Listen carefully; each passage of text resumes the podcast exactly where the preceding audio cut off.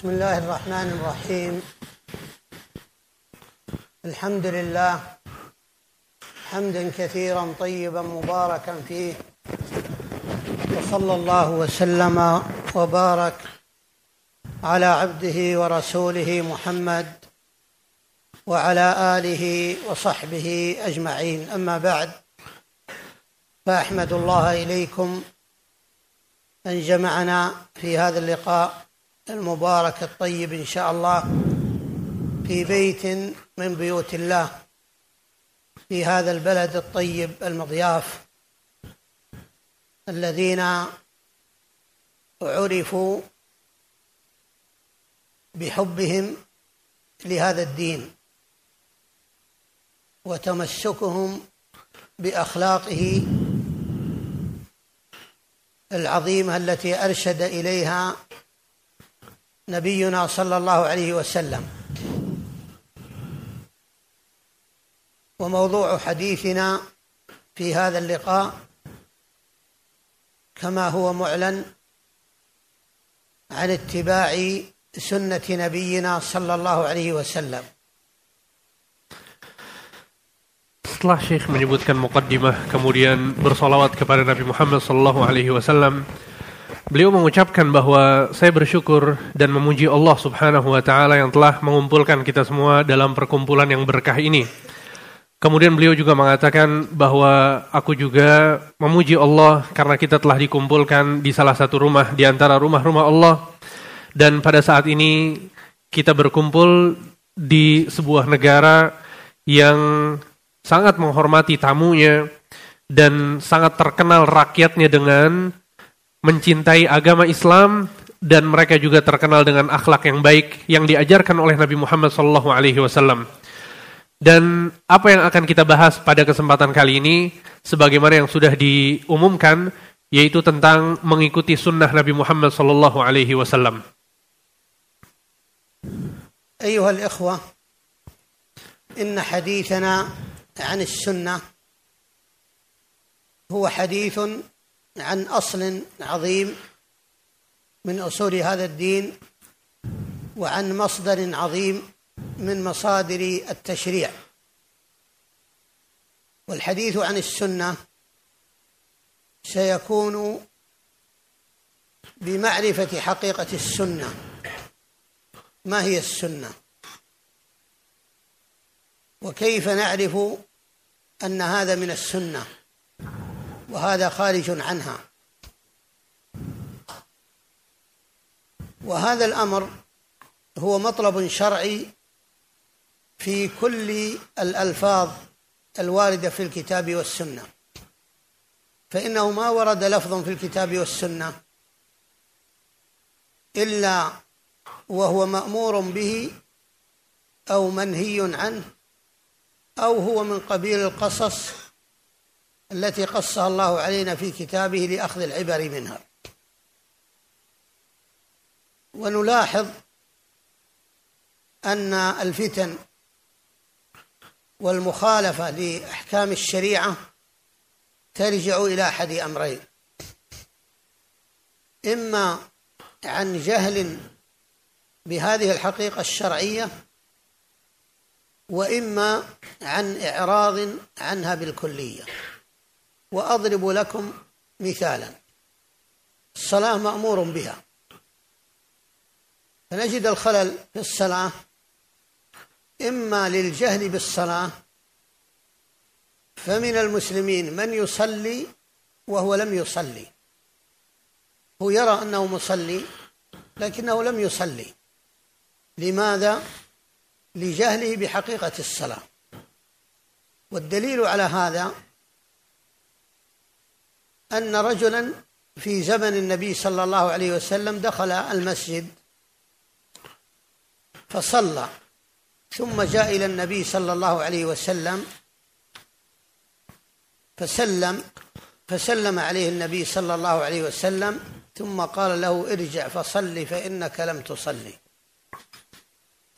فما زال النبي صلى الله عليه وسلم يأتي هذا الرجل ويصلي ويرجع للنبي صلى الله عليه وسلم ويرده حتى رده ثلاث مرات حتى قال والذي بعثك بالحق لا أحسن غير هذا. فعلمه الصلاة أنا أقول كثير من المسلمين اليوم هو يرى أنه مصلي وهو في الحقيقة لم يصلي يرى أنه قد صام وهو لم يصم يرى أنه ذكر الله وهو لم يذكر الله يرى أنه أخرج الزكاة وهو لم يخرجها. يرى أنه جاهد وقد يكون جهاده في سبيل الشيطان. من أين جاءت هذه الأخطاء؟ للجهل بالحقيقة الشرعية. فهذا هو الخلل الأول. الخلل الثاني يكون عن إعراض عن الحقيقة. بالكلية مثل الذي يعلم الأمر بالصلاة ولا يصلي ويعلم الأمر بالزكاة ولا يزكي. وهذا من جهة الظهور فهو أظهر من الأول لأن هذا يعلم أن هذه الصلاة مأمور بها فلا يمتثل. لكن الإشكال هو في الأمر الأول أن الرجل قد يكون متدينا بهذا الدين معظما له لكنه لا يعرف أحكام هذه الشريعة نعم Kemudian Syekh menjelaskan bahwa pembahasan kita tentang sunnah adalah pembahasan tentang perkara yang sangat besar. Pembahasan tentang pokok besar dari agama Islam. Dan pembahasan tentang sunnah adalah pembahasan tentang sumber dalam menjalankan agama. Dan pembahasan kita pada malam hari ini akan berkisar pada dua hal penting. Yang pertama adalah mengetahui tentang hakikat sunnah. Dan yang kedua adalah tentang bagaimana seseorang mengetahui bahwa ritual ini adalah sunnah. Maka perlu diketahui, kata Syekh, bahwa di antara hal yang penting untuk diperhatikan dalam syariat Islam adalah mengenal tentang makna lafaz-lafaz yang ada di dalam Al-Quran dan Sunnah.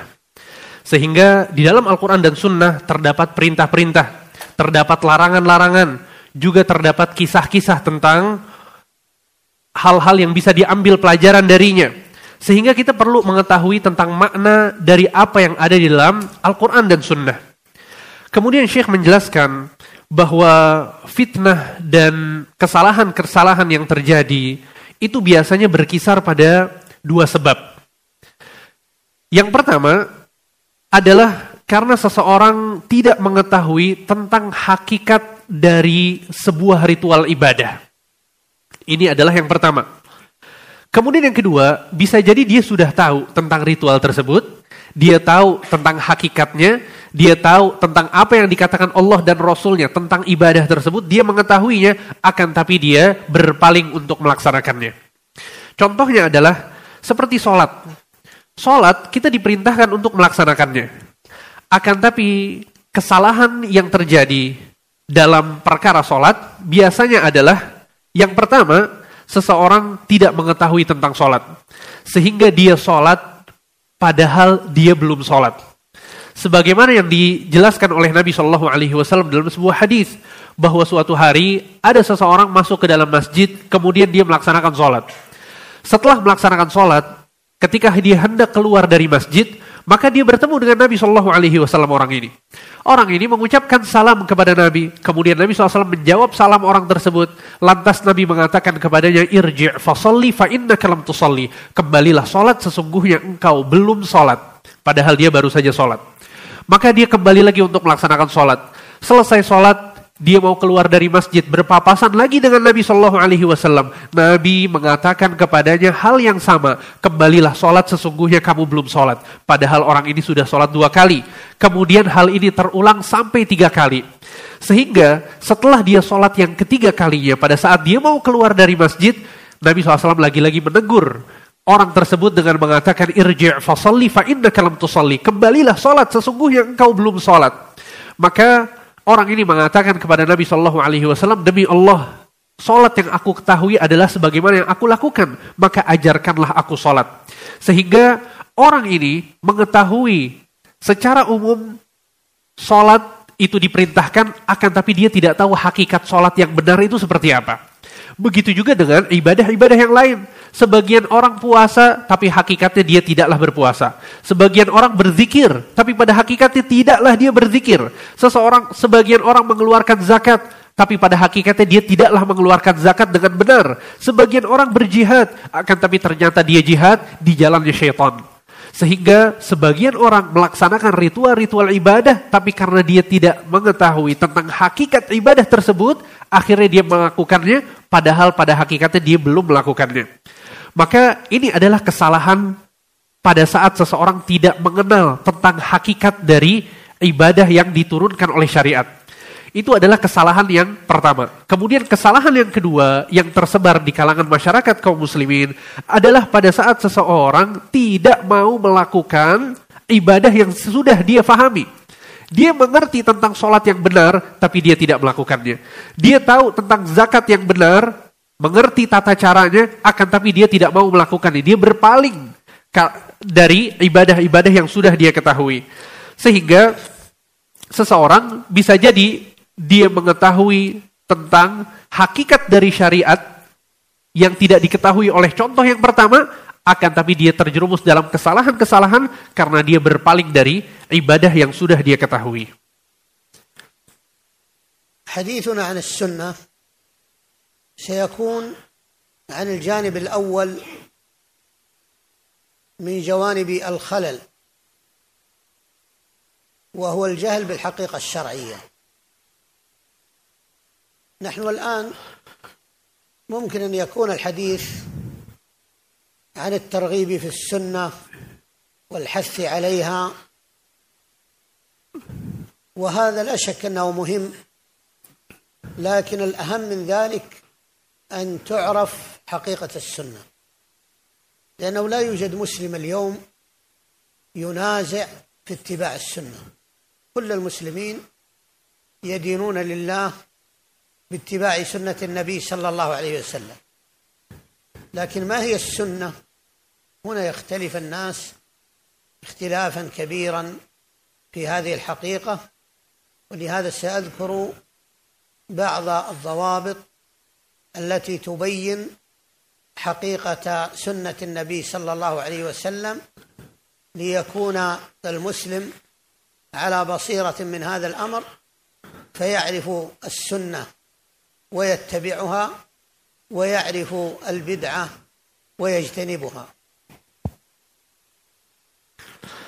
Dan pembahasan kita pada kesempatan kali ini akan tertuju pada sebab kesalahan yang pertama yang tadi dibahas. Yaitu seseorang tidak tahu tentang hakikat dari syariat. Ini yang akan kita bahas pada kesempatan kali ini. Bisa saja kita membahas tentang sunnah dari sisi motivasi untuk menjalankan sunnah. Dan ini adalah sesuatu yang sangat penting. Akan tapi yang lebih penting daripada termotivasi untuk menjalankan sunnah adalah mengenal tentang hakikat apa itu sunnah. Karena seluruh kaum muslimin, mereka sudah termotivasi untuk mengikuti sunnah. Mereka seluruhnya bersemangat untuk mengikuti sunnah. Akan tapi yang perlu kita perhatikan adalah apa yang disebut dengan sunnah. Seperti apa sunnah itu sendiri. Sehingga dalam perkara ini banyak dari kalangan kaum muslimin yang berbeda pendapat. Mereka memiliki pendapat yang berbeda-beda tentang hakikat dari sunnah itu sendiri. Oleh karena itu pada kesempatan kali ini saya akan menyebutkan beberapa poin yang dengan poin-poin ini kita akan mengerti dengan baik tentang hakikat dari sunnah itu sendiri dan agar kita melakukannya dan kita akan mengetahui tentang apa itu bid'ah agar kita menjauhkannya.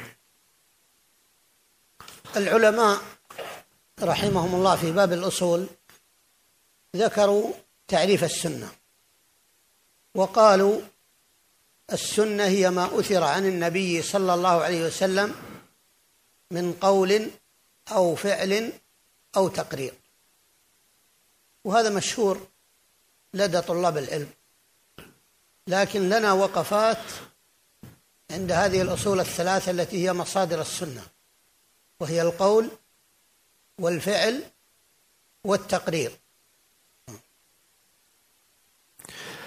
Para ulama pada saat menjelaskan tentang definisi dari sunnah, mereka mengatakan bahwa as-sunnah adalah apa yang di ceritakan dari Nabi Shallallahu Alaihi Wasallam dari perkataan-perkataan beliau, perbuatan-perbuatan beliau, dan persetujuan beliau. Hal ini ma'ruf di kalangan para tulabul ilm, di kalangan para penuntut ilmu. Dan pada kesempatan kali ini saya akan menyebutkan satu persatu dari definisi yang tadi disebutkan, yaitu perkataan-perkataan Nabi, perbuatan-perbuatan Nabi, dan persetujuan Nabi Muhammad sallallahu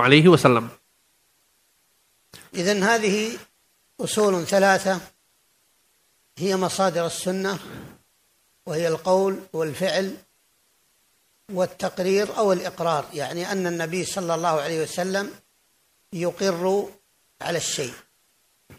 الأصل الأول القول. وإذا قلنا السنة هي القول فيتعلق بالقول أمران. إما أن يتكلم النبي صلى الله عليه وسلم عن الشيء أو يسكت عنه. فإذا تكلم في شيء إما أن يأمر به أو ينهى عنه. إذا تكلم النبي صلى الله عليه وسلم في شيء إما أن يأمر به أو ينهى عنه. فإذا أمر به عرفنا أنه مشروع وأن هذا من الدين. ويندرج تحت الأمر أمران. فهذا الذي أمر به النبي صلى الله عليه وسلم إما أنه واجب أو مستحب. لا يخرج أمر النبي صلى الله عليه وسلم في شيء إلا أن يكون هذا واجب أو مستحب. والجانب الثاني أن ينهى عن الشيء. وإذا نهى النبي صلى الله عليه وسلم عن الشيء فهذا يندرج تحته أمران وهو أن هذا الشيء المنهي عنه إما أن يكون محرما أو يكون مكروها. وبهذا يتبين لنا من القول الدين وهو المأمور به والمنهي عنه. والمأمور به إما واجب أو مستحب والمنهي عنه إما محرم أو مكروه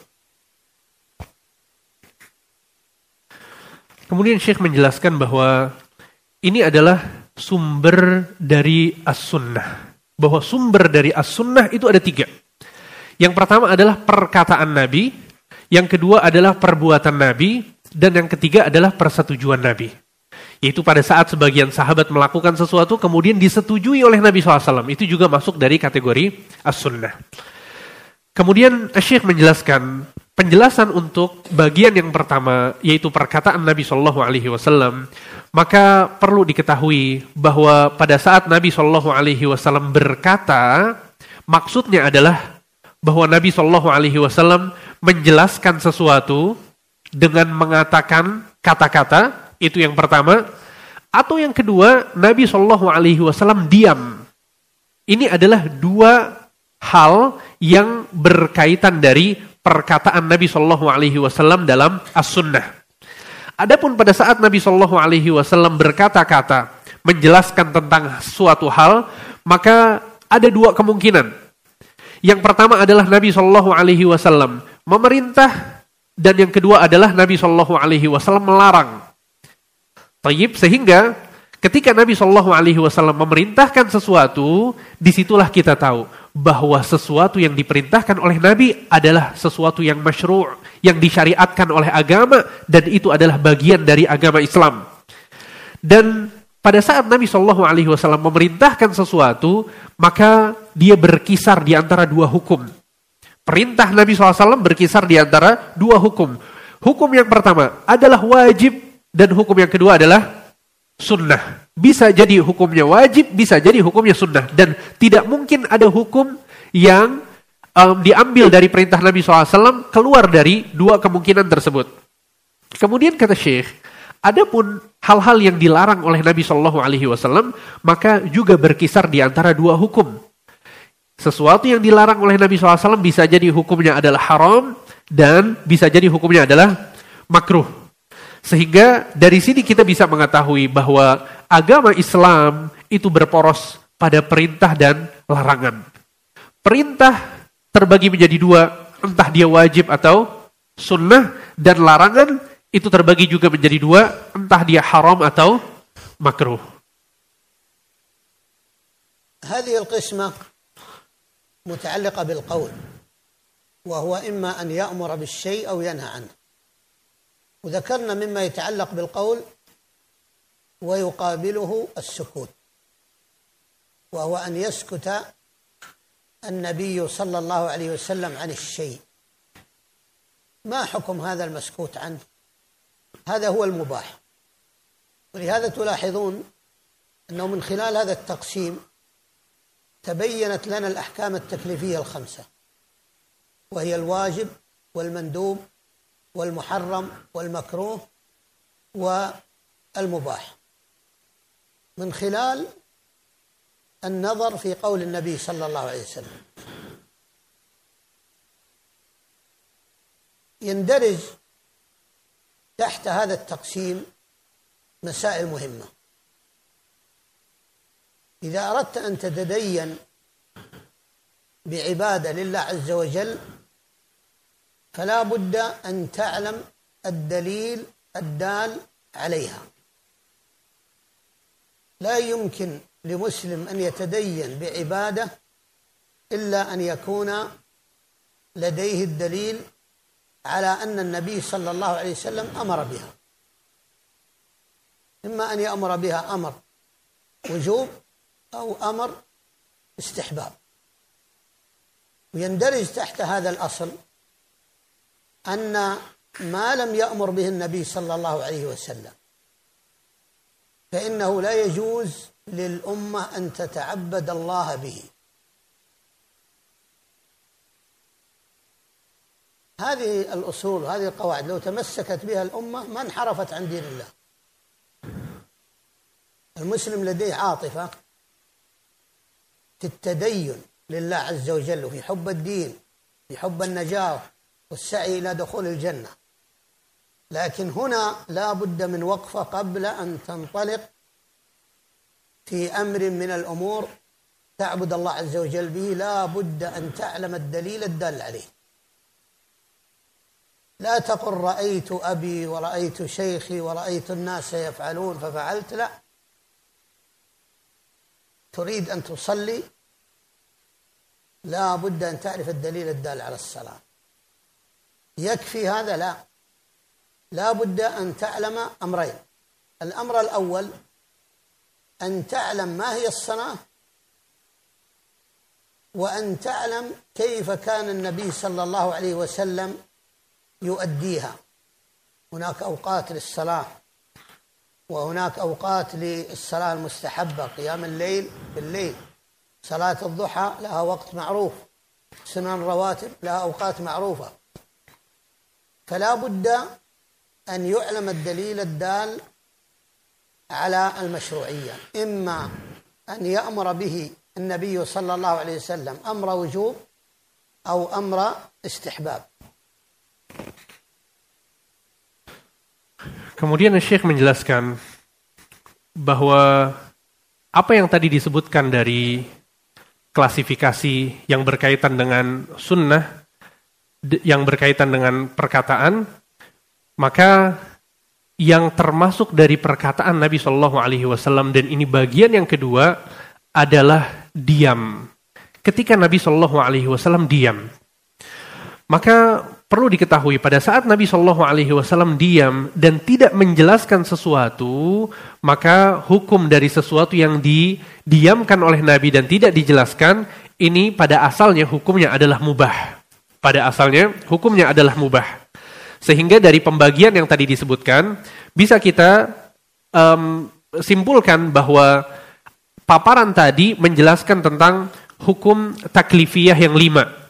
Yang pertama adalah wajib, yang kedua adalah sunnah, yang ketiga adalah um, mubah, yang keempat adalah haram, dan yang kelima adalah makruh.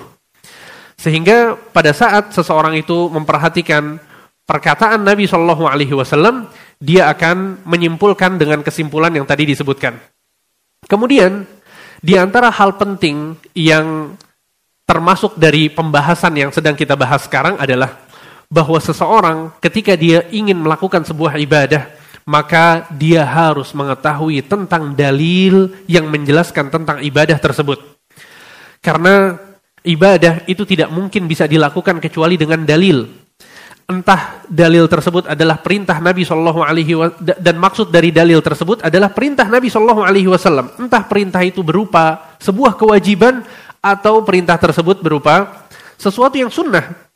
Ya sehingga dari paparan ini kita mengetahui bahwa segala sesuatu yang tidak pernah diperintahkan oleh Nabi Shallallahu Alaihi Wasallam maka kita tidak boleh untuk menjadikannya sebagai ritual ibadah.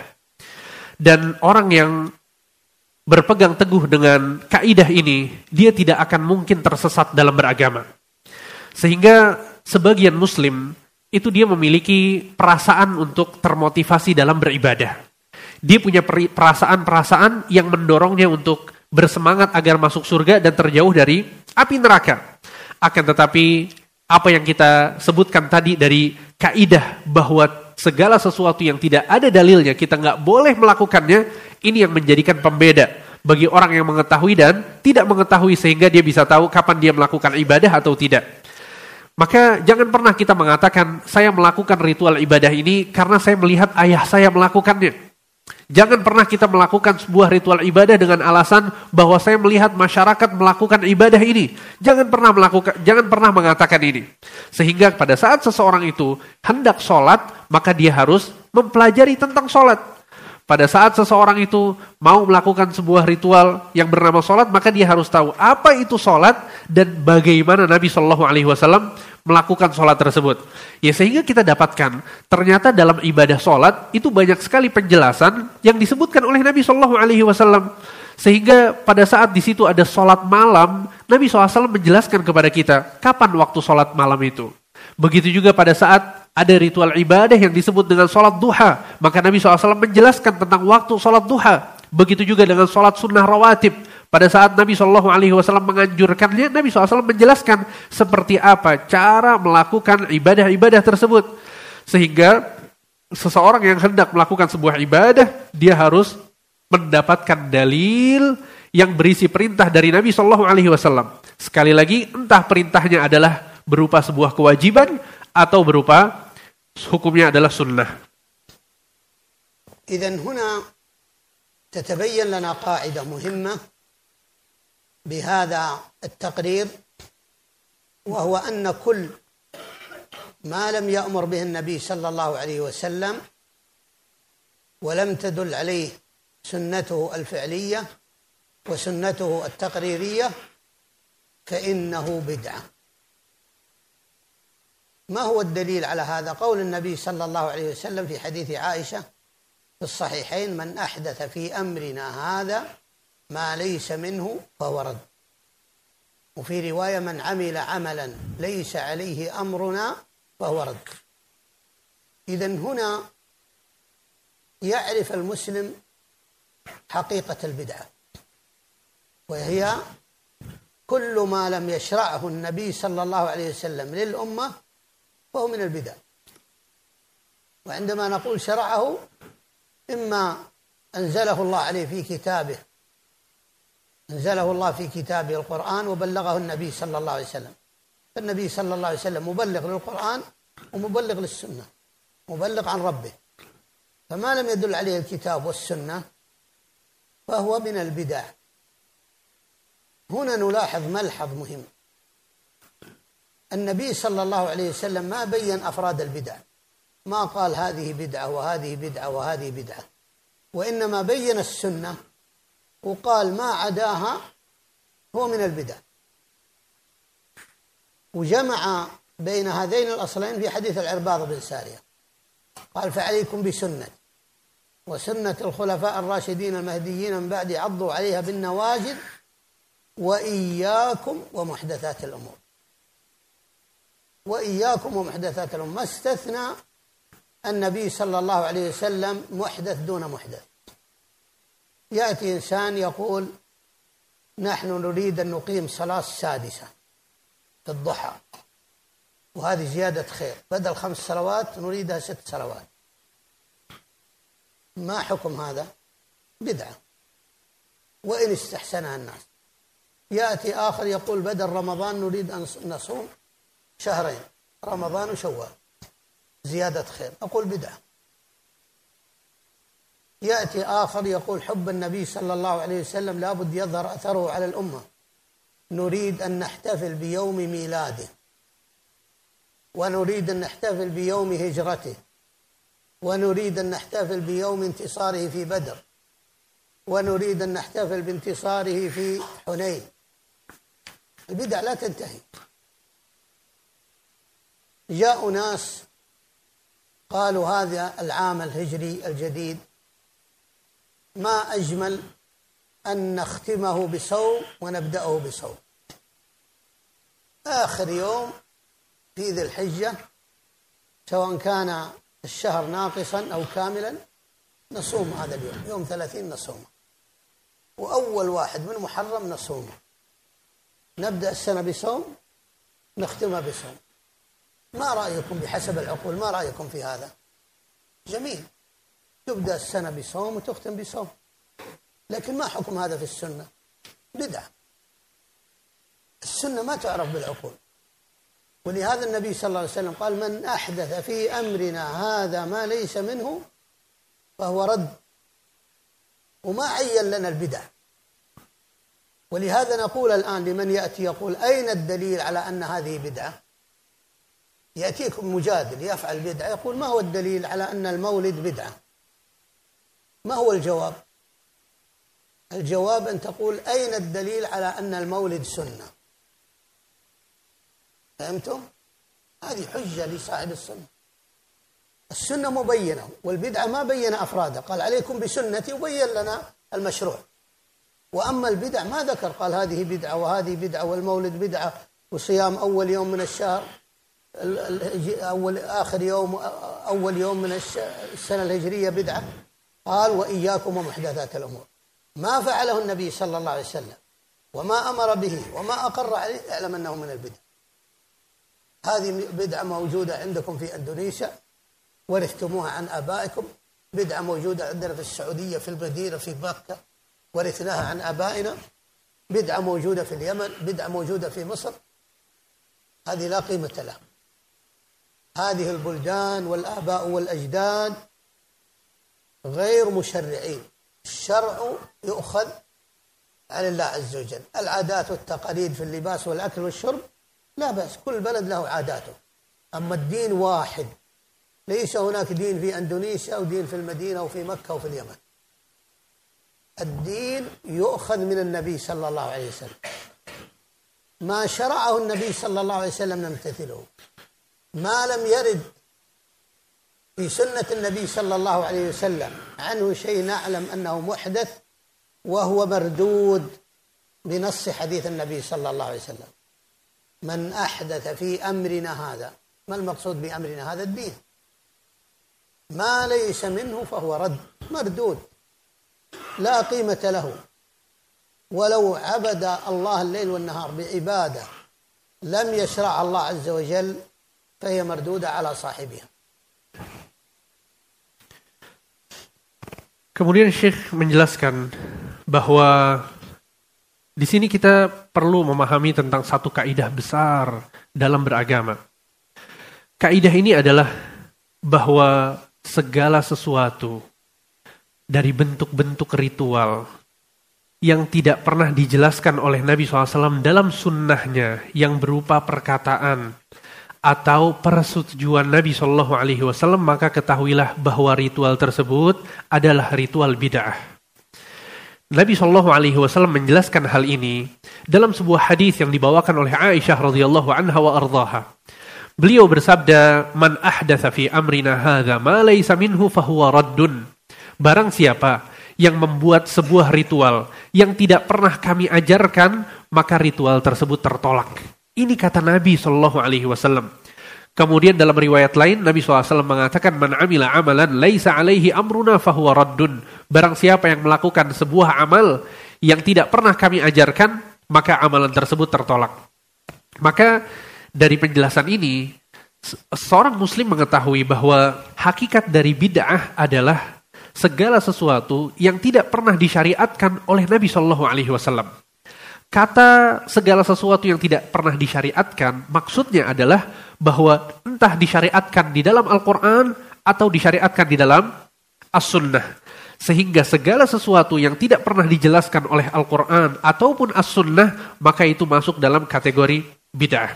Dan yang menarik dari penjelasan tentang bid'ah yang di dalam yang kita dapatkan di dalam agama Islam adalah bahwa Nabi Shallallahu Alaihi Wasallam beliau tidak pernah menjelaskan satu persatu contoh dari amalan-amalan bid'ah. Maka yang perlu kita ketahui adalah bahwa Nabi SAW menjelaskan tentang sunnah, maka selain dari amalan-amalan sunnah, maka dia adalah bid'ah. Ya, sehingga Nabi Shallallahu Alaihi Wasallam mengatakan dalam sebuah hadis yaitu hadis Irbad bin Sariyah, beliau bersabda, "Alaikum bisunnati wa sunnatil khulafa'ir rasyidin al-mahdiyyin min ba'di, tamassaku biha wa 'addu 'alaiha bin nawajid." Kata Nabi Shallallahu Alaihi Wasallam, wajib atas kalian untuk mengikuti sunnahku dan sunnah para khulafaur rasyidin. Berpegang teguhlah pada sunnah ini dan gigitlah dengan gigi geraham kalian. Lihat apa yang diperintahkan oleh Nabi SAW untuk mengikuti sunnah. Kemudian di lanjutan hadisnya Nabi SAW mengatakan wa iyyakum wa muhdatsatil umur. Jauhkanlah perkara-perkara baru dalam beragama. Lihat Nabi Shallallahu Alaihi Wasallam tidak membedakan antara perkara, perkara baru yang A atau perkara baru yang B. Nggak ada perbedaannya. Pokoknya segala sesuatu yang disebut dengan perkara baru yang tidak pernah dijelaskan oleh Nabi SAW dalam sunnahnya atau dalam Al-Quran, maka itu termasuk dari kategori bid'ah. Apa pun bentuknya. Sehingga kalau kemudian ada seorang yang datang kepada kita, lantas dia mengatakan, saya mau sholat yang keenam dalam sehari semalam. Kita tahu bahwa sholat itu hanya ada lima dalam sehari semalam. Tapi dia mau sholat yang keenam. Atau ada seorang yang mengatakan, saya mau puasa Ramadan itu ditambah dengan puasa Syawal. Sehingga daripada saya cuma berpuasa di bulan Ramadan, tapi saya mau berpuasa dua bulan sekaligus, yaitu bulan Ramadan dan bulan Syawal. Atau sebagian orang mengatakan bahwa dia ingin um, merayakan hari kelahiran Nabi Shallallahu Alaihi Wasallam. Atau sebagian orang misalnya dia ingin merayakan hari hijrahnya Nabi Shallallahu Alaihi Wasallam. Atau sebagian orang ingin merayakan hari kemenangan Nabi Shallallahu Alaihi Wasallam di perang Badar. Atau sebagian orang ingin merayakan hari kemenangan Nabi SAW di perang Hunain. Maka kita lihat betapa bid'ah itu tanpa batas. Setiap orang akhirnya ingin melakukan ini, ingin melakukan itu tanpa ada batasan. Ya, atau sebagian orang misalnya pada saat masuk ke dalam bulan Muharram yang baru, ya tahun, tahun baru Hijriyah, mungkin dia bisa saja mengatakan betapa baiknya jika kita tutup tahun Hijriyah dengan berpuasa, kemudian kita buka tahun Hijriyah yang baru dengan berpuasa lagi. Sehingga berpuasa di hari terakhir dari bulan Zulhijjah dan berpuasa di hari pertama dari bulan Muharram. Bagaimana menurut Antum kata Syekh tadi? Bukankah ini perkara yang baik? Jadi perkara yang terlihat baik. Akan tapi apa hukumnya?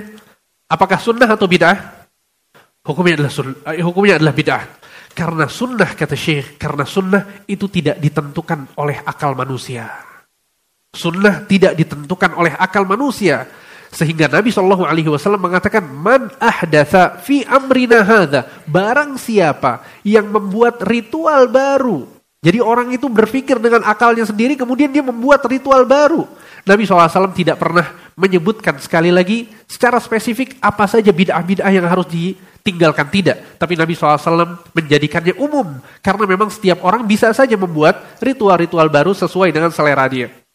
Ya kemudian kalau ada sebagian orang yang mengatakan kepada kita, mana dalil yang menyebutkan bahwa merayakan hari kelahiran Nabi Wasallam adalah bid'ah? Merayakan hari kelahiran Nabi SAW adalah bid'ah. Mana dalilnya?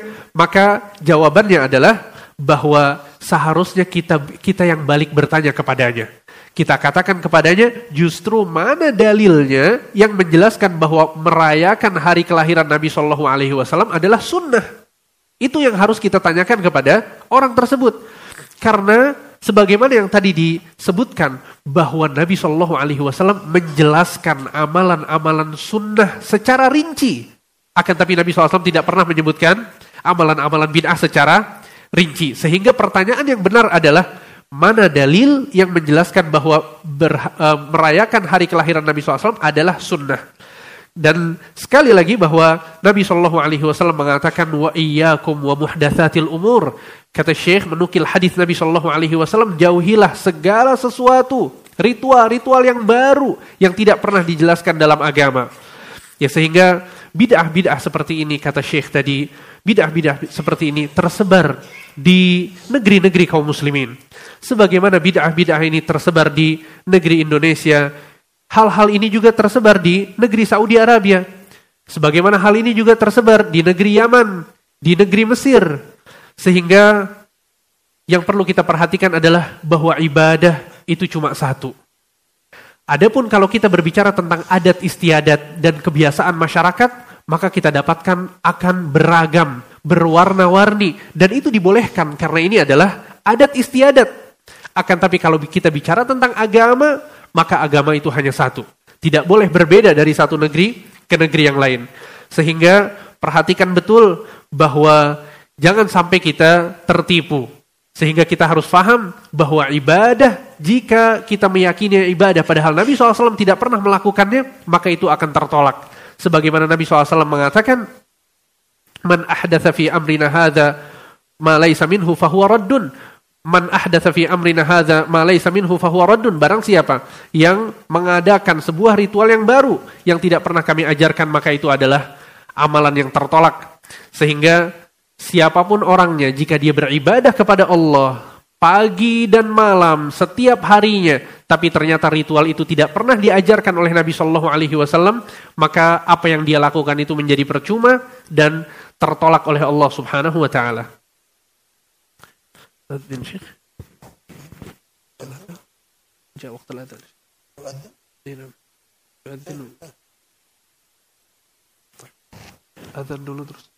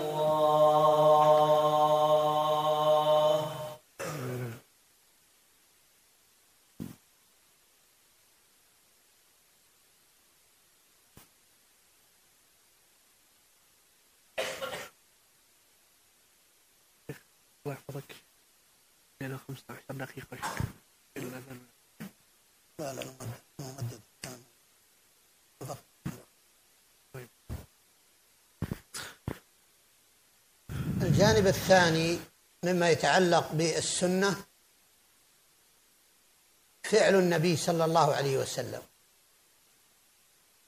وفعل النبي صلى الله عليه وسلم عندما يذكره العلماء في باب الأصول ويقولون السنة ما أثر عن النبي صلى الله عليه وسلم من قول أو فعل أو تقرير ليس المقصود بالفعل هنا هو ما فعله النبي صلى الله عليه وسلم فقط. بل الفعل يتعلق به أمران. أن يفعل النبي صلى الله عليه وسلم الشيء أو يتركه. فما فعله فهو سنة فعلية. وما تركه فهو سنة تركية. لكن لا بد من التنبيه على أمر. وهو أن يفعل النبي صلى الله عليه وسلم الشيء تدينا. فنعلم أنه من الدين. أو أن يترك الشيء تدينا. فنعلم أن تركه من الدين. يقابل هذا أن يفعل النبي صلى الله عليه وسلم الشيء وهو لا يتدين به بحكم حاجته إليه أو بحكم طبيعته. أو أن يترك النبي صلى الله عليه وسلم الشيء ليس تدينا. إذا لدينا هنا أربعة أقسام. ما فعله تدينا مثل الصلاة والزكاة والصوم والحج وقال صلوا كما رأيتموني أصلي. فهذه سنة فعلية الأمة مأمورة بالتأسي بالنبي صلى الله عليه وسلم فيها. ما تركه النبي صلى الله عليه وسلم تدينا تركه للفحش والبذاء في الكلام. يأتيها الرجل يغلظ عليه فيقول لست فاحشا ولا متفحشا. فلا يقابل السيئة بمثلها ولا يقابل الفحش بمثله. فيأتي بعض الناس الآن يحتج يقول وإن عاقبتم فعاقبوا بمثل ما عوقبتم به. إذا سبني الرجل أسب وإذا لعنني ألعنه. نقول لا سنة النبي صلى الله عليه وسلم أنه كان يعرض عن الجاهلين كما أمره الله عز وجل وأعرض عن الجاهلين. فترك النبي صلى الله عليه وسلم للفحش ليس لضعف وليس لأمر ولكنه من الدين. كذلك كون النبي صلى الله عليه وسلم ترك بعض الأمور لم يتدين بها مثل أنه ما كان يتدين بصيام الأربعاء ولا الأحد لا يعين يوم الأربعاء والأحد للصيام مثلا. فنعلم أن هذه سنة تركية. بخلاف الاثنين والخميس فإنه كان يتحرى صيامهما. فإذا لا بد أن نعلم أن ما تركه النبي صلى الله عليه وسلم يكون قد تركه تدينا حتى نمتثل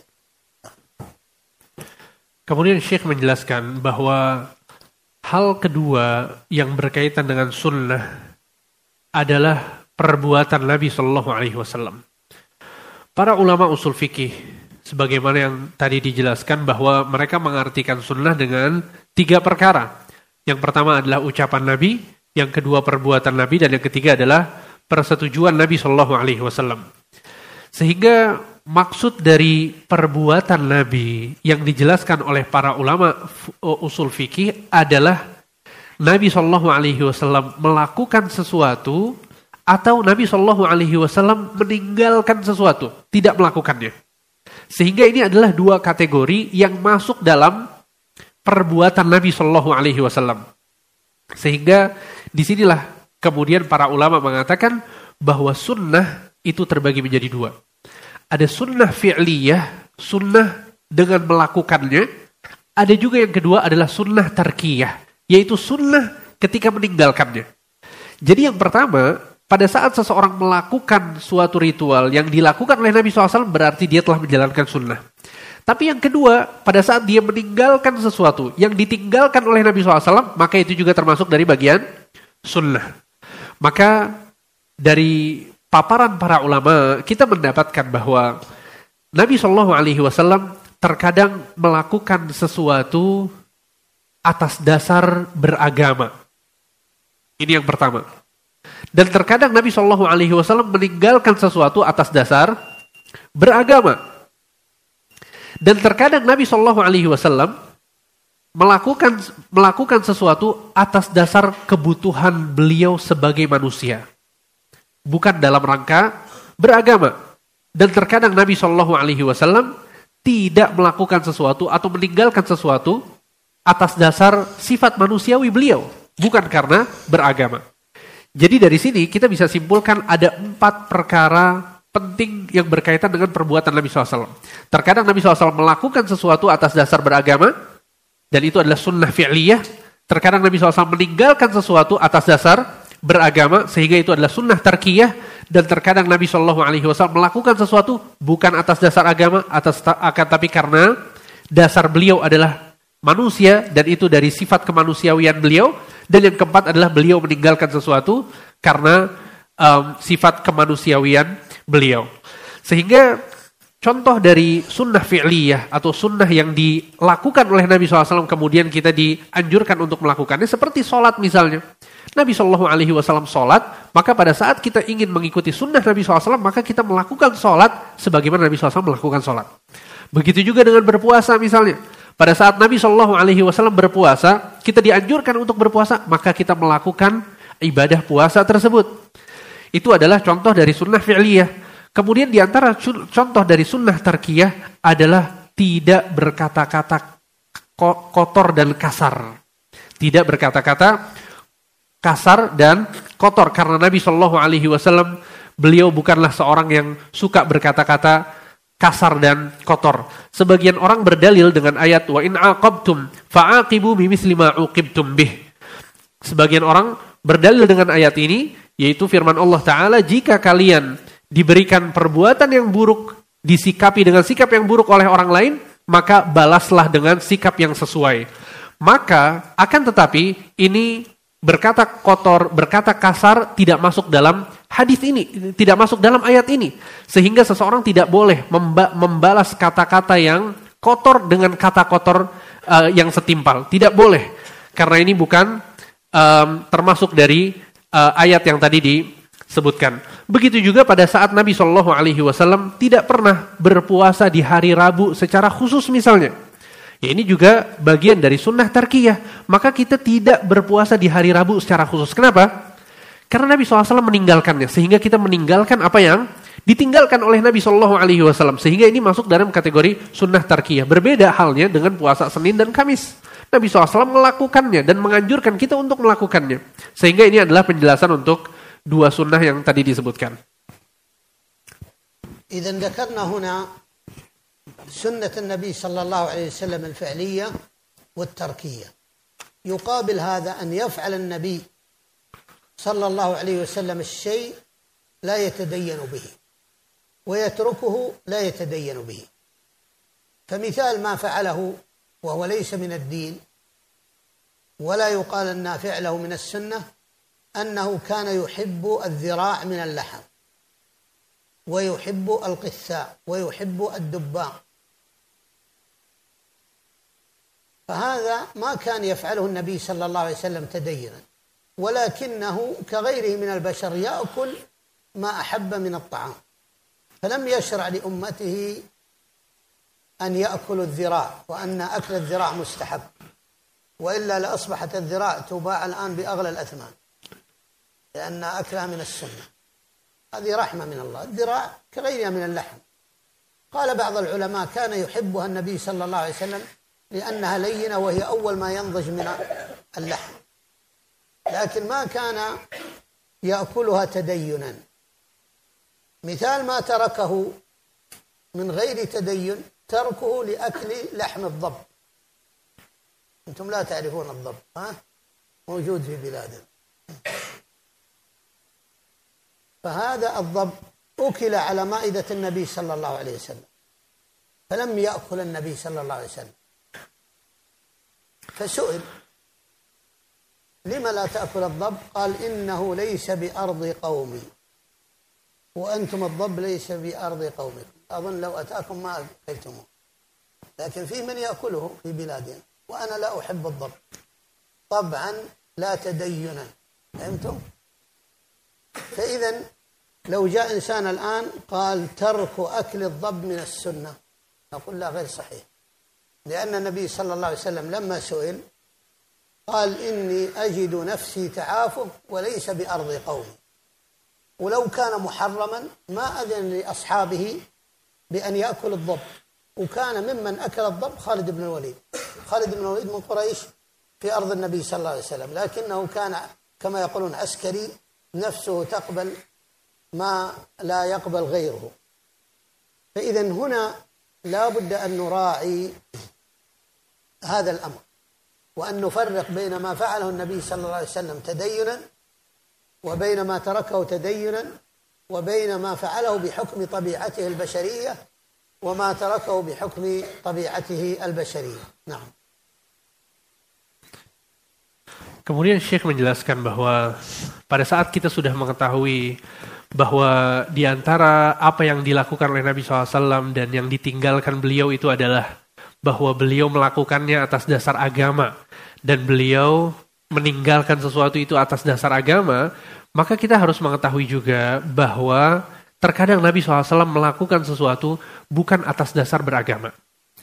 Sehingga apa yang beliau lakukan ini tidak menjadi perintah agama dan tidak menjadi syariat Islam. Begitu juga pada saat Nabi SAW meninggalkan sesuatu bukan atas dasar agama. Maka pada saat Nabi SAW meninggalkannya, ini bukan termasuk dari bagian syariat Islam. Ini hal penting yang perlu kita fahami. Contohnya adalah ketika Nabi Wasallam menyukai beberapa makanan-makanan khusus. Seperti contohnya Nabi SAW menyukai bagian paha dari uh, daging kambing. Maka bukan berarti Nabi Shallallahu Alaihi Wasallam menganjurkannya dan makan paha kambing itu bagian dari sunnah. Kemudian kata Syekh kalau bagian dari paha kambing itu bagian sunnah, maka tukang-tukang daging bakal menjual paha kambing dengan harga yang mahal. Karena itu bagian dari sunnah. Tapi ternyata itu bukanlah bagian dari sunnah. Sebagian ulama menjelaskan kenapa paha kambing yang disukai oleh Nabi SAW. Karena paha kambing itu biasanya adalah daging yang paling empuk dan yang paling cepat untuk dimasak. Sehingga dari bagian-bagian daging kambing, ya yang paling cepat untuk matang adalah bagian paha kambing. Sehingga inilah kemudian kenapa Nabi Shallallahu Alaihi Wasallam suka. Jadi Nabi SAW menyukainya bukan atas dasar perintah dari Allah. Ini bukan agama. Akan tapi itu yang disukai oleh Nabi Shallallahu Alaihi Wasallam. Kemudian sebagaimana Nabi Shallallahu Alaihi Wasallam juga meninggalkan beberapa perkara bukan atas dasar agama. Akan tapi karena sifat manusiawi beliau. Contohnya adalah ketika Nabi SAW tidak suka makan daging dob. Dob. Apa itu dob? Dob adalah kadal gurun. ya. Kata beliau, Nabi Shallallahu Alaihi Wasallam nggak suka uh, kadal ini dan beliau mengatakan antum nggak bakal tahu dob katanya karena nggak ada di Indonesia ya. Kemudian pada saat Nabi Shallallahu Alaihi Wasallam dihidangkan daging dob, Nabi SAW mengatakan innahu laisa bi ardi qaumi. Aku tidak mengenal makanan ini di kaumku. Maksudnya orang-orang Quraisy itu nggak makan makanan seperti ini sehingga Nabi SAW nggak suka. Lihat bagaimana Nabi SAW meninggalkan sesuatu atas dasar apa? bukan atas dasar agama, karena sifat kemanusiawian beliau. Ya sehingga ini bukan termasuk dari termasuk dari sunnah. Ya jadi jangan ada orang yang mengatakan kemudian saya tidak mau makan dob karena ini adalah sunnah. Sunnahnya adalah kita tidak makan dob. Ya ini perkataan yang keliru, yang salah. Ya jangan difahami demikian. Karena sekali lagi Nabi SAW meninggalkan makan dob itu bukan karena beragama. Kemudian dan kita lihat juga ya Nabi SAW pada saat uh, dihidangkan makanan tersebut Nabi SAW mengatakan ini ajidu nafsi ta'afu. Aku mendapatkan diriku tidak suka makanan ini.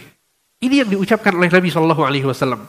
Dan bukti bahwa ini bukanlah termasuk dari sesuatu yang masuk dari ranah agama. Ternyata Nabi SAW membiarkan sebagian sahabatnya makan daging lob. Di antaranya adalah Khalid bin Walid. Beliau bersama Nabi Shallallahu Alaihi Wasallam dan makan daging tersebut. Kemudian kata Syekh yang menarik adalah bahwa Khalid bin Walid, beliau juga termasuk dari kaum Quraisy sama Nabi sama Nabi Shallallahu Alaihi Wasallam. Akan tapi Khalid bin Walid tidak beralasan sebagaimana Nabi SAW beralasan, paham ya? Padahal sama-sama dari Quraisy. Kenapa? Kata Syekh, soalnya Khalid bin Walid ini tentara. Dan biasanya tentara itu bisa melakukan sesuatu yang tidak bisa dilakukan oleh orang-orang biasa. Di antaranya adalah dalam hal makanan. Karena tentara jadi nggak dia nggak terlalu pilih-pilih dalam makanan. Beda sama Nabi Shallallahu Alaihi Wasallam. Ya, maksudnya adalah bahwa um, ini hal yang sangat penting yang harus kita fahami agar kita membedakan. Mana yang Nabi SAW melakukan atas dasar agama, mana yang Nabi SAW tinggalkan atas dasar agama, dan mana yang Nabi SAW melakukan atas dasar sifat manusiawi beliau, dan mana sesuatu yang Nabi SAW tinggalkan atas dasar sifat manusiawi beliau. الجانب الثالث من جوانب السنة الإقرار من النبي صلى الله عليه وسلم لأمر من الأمور. وهذا له شروط. الشرط الأول أن يكون هذا الأمر حصل بحضرة النبي صلى الله عليه وسلم فأقر عليه وإقراره بأحد أمرين إما أن يتكلم وإما أن يسكت عنه. لأنه لا يسكت على باطل. فإقراره بالكلام مثل حديث اليهودي الذي جاء للنبي صلى الله عليه وسلم وقال إن الله يقبض السماوات على إصبع والأراضين على إصبع والجبال على إصبع والبحار على إصبع. فضحك النبي صلى الله عليه وسلم تصديقا لليهودي. فهذا يذكره العلماء شاهدا لإقرار النبي صلى الله عليه وسلم لرجل يهودي يتكلم عن مسألة عظيمة وهي قبض الله عز وجل لهذه المخلوقات العظيمة على أصابعه وفيها إثبات الأصابع لله. هذا إقرار من النبي صلى الله عليه وسلم لليهودي. وكذلك قول النبي صلى الله عليه وسلم لأبي هريرة في قصة الشيطان لما جاءه وكان في كل ليلة يأتيه كان النبي صلى الله عليه وسلم جعل أبا هريرة على مال الزكاة. فجاءوا في آخر ليلة وقبضه وأراد أن يسلمه للنبي صلى الله عليه وسلم قال دعني وسأنصحك نصيحة. قال ما هي؟ قال إذا أردت النوم فاقرأ آية الكرسي فإنه لا يقربك شيطان. فأخبر النبي صلى الله عليه وسلم قال أما علمت صاحبك تلك الليالي؟ قال لا قال هو الشيطان. قال إنه قال كذا وكذا قال صدقك وهو كذوب. فعرفنا أن قراءة آية الكرسي أن أحرز من الشيطان بماذا؟ بخبر الشيطان. لكن أقره النبي صلى الله عليه وسلم. بهذه المناسبة بعض الناس الآن يقول الحق يؤخذ حتى من الشيطان. يحتجون بهذا الحديث. نقول هذا الكلام باطل. الشيطان لا يأتي بالحق. لكن نحن إنما أخذنا بهذا القول لإقرار النبي صلى الله عليه وسلم لمقالة الشيطان والنبي صلى الله عليه وسلم الآن ليس بيننا. فلا يستطيع أحد أن يقول هذا خبر الشيطان حق. والله عز وجل حذرنا من الشيطان ونهانا عن كيده ومكره. فإذا هذه أمثلة لإقرار النبي صلى الله عليه وسلم لهؤلاء. هناك إقرار سكوتي وهو أن يسكت عن الشيء. مثاله جاء في حديث عائشة رضي الله عنها في الصحيحين أنها في يوم عيد كان لها جاريتان من الأنصار جاءتا وكانت تغنيان وتنشدان بعض ما يقوله الأنصار في يوم بعاث. فدخل أبو بكر وقال أمزامير الشيطان في بيت رسول الله صلى الله عليه وسلم مزامير الشيطان في بيت رسول الله صلى الله عليه وسلم فقال النبي صلى الله عليه وسلم دعهما فإنه يوم عيد أو كما قال. فسكوت النبي صلى الله عليه وسلم أولا هذا إقرار. ولهذا لما جاء أبو بكر ونهى الجاريتين قال دعهما. كذلك من الإقرار إقرار النبي صلى الله عليه وسلم النظر إلى نظر عائشة إلى الحبشة بل كان وقف بينه وبينها حتى تنظر إليهم فهذا إقرار منه لعائشة فدل على أن هذا الأمر أن النبي صلى الله عليه وسلم أقر عليه. هناك أمر آخر ذكره العلماء وهو أن يكون هناك أمر في زمن النبي صلى الله عليه وسلم. فهل نقول هذا في زمن النبي صلى الله عليه وسلم؟ ولا يمكن أن يخفى عن النبي صلى الله عليه وسلم فسكوته عنه إقرار؟ هذا فرق العلماء وقالوا إن كان شيئا شائعا ظاهرا فهو إقرار له. مثال ذلك كان الأنصار يتبايعون مع اليهود في أسواقهم. وهذا الأمر لا يمكن أن يخفى على النبي صلى الله عليه وسلم. فنقول الاتجار مع اليهود والنصارى جائز بإقرار النبي صلى الله عليه وسلم لأصحابه أنهم يتبايعون مع اليهود. فلا يمكن هذا أن يخفى على النبي صلى الله عليه وسلم. لكن لو حصلت واقعة بين يهودي وأنصاري أو بين صحابي ويهودي فلا نقول النبي صلى الله عليه وسلم أقر هذا أو منع هذا لأن هذه الحادثة قد لا تبلغه. إذا هذا ما يتعلق بالإقرار وهو أن يقر بقوله أو أن يقر بسكوته لأنه لا يسكت على باطل Baik, kemudian Syekh menjelaskan bahwa di antara yang termasuk dari sunnah Nabi Shallallahu Alaihi Wasallam adalah al-iqrar, yaitu persetujuan Nabi Shallallahu Alaihi Wasallam. Dan hal ini atau persetujuan Nabi Shallallahu Alaihi Wasallam memiliki beberapa syarat.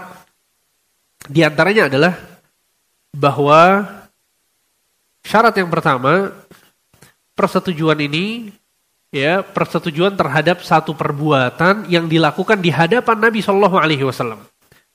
Ya, jadi Nabi SAW melihat perkara tersebut, melihat sesuatu ini, Nabi Shallallahu Alaihi Wasallam hadir di situ, kemudian bisa jadi Nabi Shallallahu Alaihi Wasallam menyetujuinya dengan berbicara, dengan mengatakan sesuatu yang menjadi um, dalil bahwa Nabi SAW bersetuju, dan bisa jadi Nabi SAW diam, ya mendiamkan apa yang dilakukan oleh sebagian sahabat. Karena Nabi Shallallahu Alaihi Wasallam tidak mungkin mendiamkan suatu kemungkaran, tidak mungkin. Sehingga pada saat ada satu ritual, satu perbuatan yang dilakukan oleh orang-orang yang di sekitarnya, para sahabat, dan Nabi SAW diam saja, berarti itu adalah sesuatu yang dibolehkan, disetujui oleh Nabi Muhammad Wasallam. Contohnya adalah pada saat Nabi Shallallahu Alaihi Wasallam mendengar perkataan orang Yahudi bahwa Allah Subhanahu Wa Taala ya akan um, menggenggam tujuh lapis langit dengan jari jemarinya. Dan Allah subhanahu wa ta'ala menggenggam gunung-gunung dengan jari jemarinya. Dan Allah subhanahu wa ta'ala menggenggam tujuh lapis bumi dengan jari jemarinya. Maka Syekh menjelaskan bahwa para ulama menyatakan berdasarkan hadis ini mereka menetapkan sifat menggenggam untuk Allah Subhanahu wa taala. Begitu juga sifat jari jemari Allah Subhanahu wa taala ditetapkan oleh para ulama berdasarkan berdasarkan hadis ini. Sehingga dalam konteks hadis ini yang berkata siapa? Yang berkata adalah orang Yahudi. Akan tapi perkataan tersebut disetujui oleh Nabi Muhammad SAW Alaihi Wasallam sehingga hadis ini ya menjadi dalil yang digunakan oleh para ulama. Kemudian contoh yang lain adalah kisah ketika Abu Hurairah radhiyallahu anhu arda beliau ditugaskan oleh Nabi untuk menjaga harta kaum muslimin, zakat kaum muslimin. Pada saat menjaga um, harta makanan zakat kaum muslimin, maka datanglah syaitan kepada Abu Hurairah, dia mau mencuri makanan tersebut. Sehingga Abu Hurairah ingin melaporkan syaitan ini kepada Nabi SAW, tapi kondisinya Abu Hurairah belum tahu bahwa pencuri itu adalah syaitan. Sehingga syaitan itu mengatakan, biarkan aku, lepaskan aku dan aku akan memberikan nasihat kepadamu.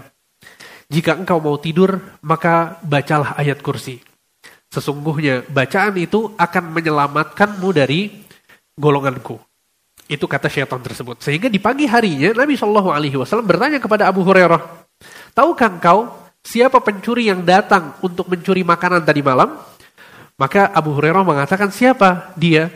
Maka Nabi SAW mengatakan fa'illahu syaitan. Sesungguhnya dia adalah syaitan.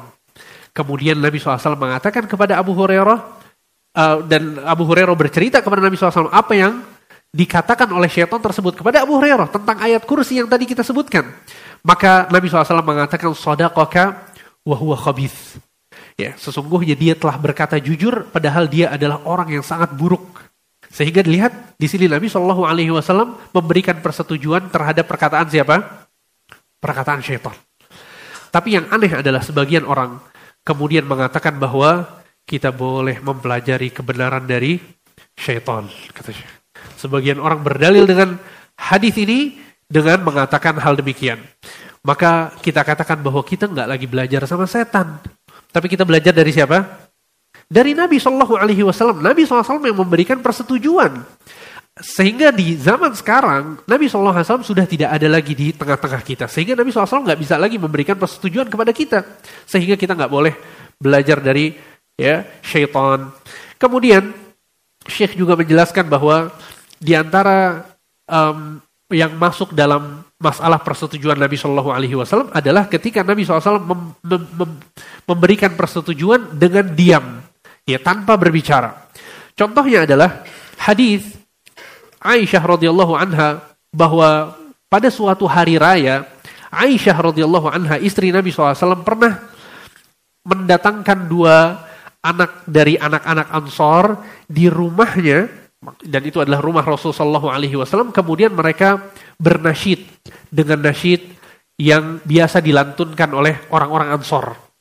Sehingga pada saat lantunan nasyid itu di, um, dilantunkan oleh dua anak perempuan Ansor itu, Abu Bakar radhiyallahu anhu arda, ayah dari Aisyah masuk ke rumah. Pada saat Abu Bakar melihat ada dua anak kecil yang sedang melantunkan nasyid, maka Abu Bakar mengatakan, Apakah seruling-seruling setan ditiup di rumah Rasul Shallallahu Alaihi Wasallam? Abu Bakar mengingkari nasyid yang sedang dilantunkan oleh dua anak tersebut. Akan tapi apa kata Nabi SAW kepada Abu Bakar? Nabi mengatakan, Da'huma, biarkan mereka bernasyid. Sesungguhnya ini adalah hari Id. Lihat bagaimana Nabi Shallallahu Alaihi Wasallam ya memberikan persetujuan kepada anak-anak kecil tadi yang sedang bernasyid. Sehingga dari sini ya kita bisa mengetahui bahwa persetujuan Nabi Shallallahu Alaihi Wasallam juga termasuk dari bagian dari bagian sunnah. Ada satu perkara tambahan yang disebutkan oleh sebagian ulama, yaitu tentang satu peristiwa yang terjadi di zaman Nabi Shallallahu Alaihi Wasallam. Apakah satu peristiwa yang terjadi di zaman Nabi SAW serta merta dikatakan bahwa itu bagian dari persetujuan Nabi atau tidak?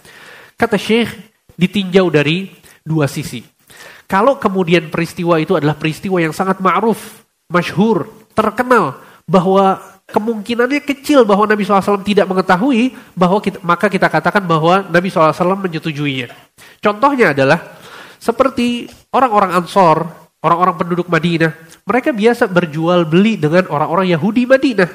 Sehingga pasar-pasar kota Madinah itu kaum muslimin berjual beli dan bertransaksi dengan orang-orang kafir, orang-orang Yahudi yang ada di sana.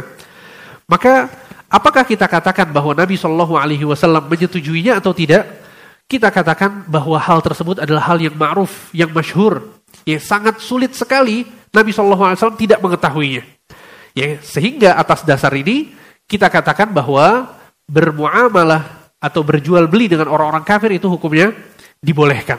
Karena Nabi SAW memberikan persetujuan kepada orang-orang Ansor untuk berdagang dan berjual beli dengan orang-orang kafir Yahudi Madinah. Ya, akan tetapi kalau kemudian peristiwa tersebut bukan peristiwa yang masyhur, ya atau misalnya ada satu kejadian antara seorang sahabat dengan orang kafir, kemudian terjadi sesuatu akan tapi itu bukan sesuatu yang uh, tersebar luas di kalangan Nabi Shallallahu Alaihi Wasallam, maka ini berbeda dari apa yang contoh tadi disebutkan. Sehingga ini adalah penjelasan untuk sunnah yang berkaitannya dengan yang berkaitan dengan persetujuan Nabi Shallallahu Alaihi Wasallam. هذا ما أردت إيضاحه عن هذا الموضوع الهام وهو بيان حقيقة السنة فعلى إخواننا أن يمتثلوا سنة نبيهم صلى الله عليه وسلم فما فعله أو أمر به أو أقر عليه فهو من الدين وما نهى عنه فينبغي أن ينتهى عنه وما سكت عنه فينبغي أن يسكت عنه.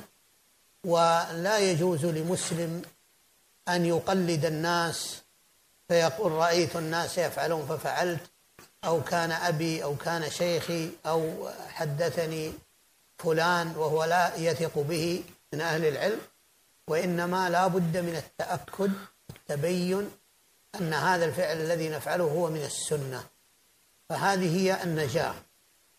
فالسنة كالسفينة كما شبهها النبي صلى الله عليه وسلم. فمن ركب فيها نجا ومن تأخر عنها غرق كسفينة نوح. لم ينجو من الطوفان إلا من كان مع نوح في السفينة. وسفينة هذه الأمة هي السنة. فمن ركب في هذه السفينة نجا ومن خرج عنها هلك. نسأل الله التوفيق الجميع هذا والله أعلم. وصلى الله وسلم وبارك على عبده ورسوله محمد وعلى آله وصحبه أجمعين. Kemudian Syekh menutup pertemuan ini dengan menjelaskan dan memberikan nasihat kepada kita semua. Beliau mengatakan sehingga apa yang dipaparkan tadi adalah penjelasan tentang hakikat dari sunnah itu sendiri. Dan yang harus kita lakukan adalah senantiasa bersemangat untuk melakukan sunnah-sunnah Nabi Shallallahu Alaihi Wasallam maka apa yang dicontohkan oleh Nabi Shallallahu Alaihi Wasallam dengan perbuatan-perbuatannya dan apa yang diperintahkan oleh Nabi SAW dengan ucapannya dan apa yang dipersetujui oleh Nabi Shallallahu Alaihi Wasallam ya dan kita dimotivasi untuk melakukannya maka lakukanlah sehingga itu yang harus kita lakukan dalam beragama dalam beragama kita mengikuti Nabi Muhammad Shallallahu Alaihi Wasallam kita mengikuti sunnah-sunnahnya sehingga janganlah pernah kita beragama dengan mencontoh orang lain selain Nabi Muhammad Sallallahu Alaihi Wasallam. Jangan pernah kita beragama kemudian kita mengatakan sesungguhnya saya melihat orang tua saya melakukannya. Atau jangan pernah kita beragama kemudian kita mengatakan sesungguhnya masyarakat di sekitar saya melakukan ini sehingga saya melakukannya. Jadi sumber dari agama kita harus sunnah Nabi Muhammad Sallallahu Alaihi Wasallam. Dan di sinilah pentingnya kemudian seseorang itu mempelajari tentang hakikat sunnah. Agar dia tahu mana yang sunnah, mana yang bukan. Dan agar dia bisa um, melakukan apa-apa yang diajarkan oleh Nabi Shallallahu Alaihi Wasallam. Kemudian kata Syekh ketahuilah bahwa sunnah itu bagaikan perahu yang besar. Barang siapa yang naik ke perahu tersebut, maka dia akan selamat. Dan barang siapa yang tidak menaikinya, maka dia akan dia akan tenggelam. Sehingga Sunnah itu bagaikan perahunya Nabi Nuh. Orang-orang yang selamat hanyalah orang-orang yang naik ke perahu tersebut. Yang enggan untuk naik dia akan dia akan tenggelam. Ya, sehingga ini adalah penjelasan dari sunnah itu sendiri.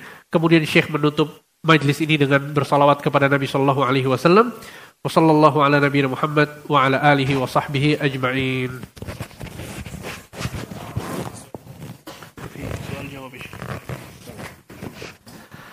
Kalau ada yang mau bertanya, dipersilahkan.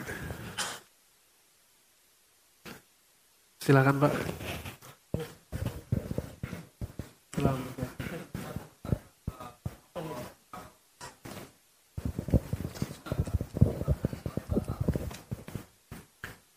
إذا كان الرجل يبغض السنة هل هذا من نواقض الإسلام؟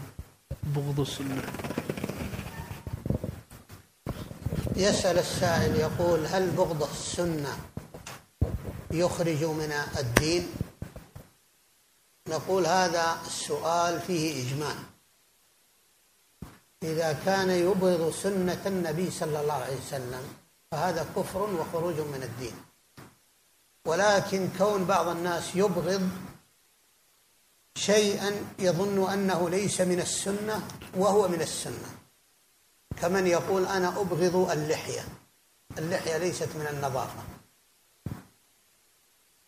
هذا جاهل. فينبغي أن يسأل. يقال لما تبغض اللحية؟ ويبين له أن هذه سنة النبي صلى الله عليه وسلم. فإذا أبغضها بعد أن علم أنها سنة هذا يخرج من الدين. وأما إذا أبغضها يظن أن هذا ليس من السنة وليس من الدين فهذا جاهل يعلم. كثير من الناس اليوم يبغضون بعض السنن لجهلهم بها.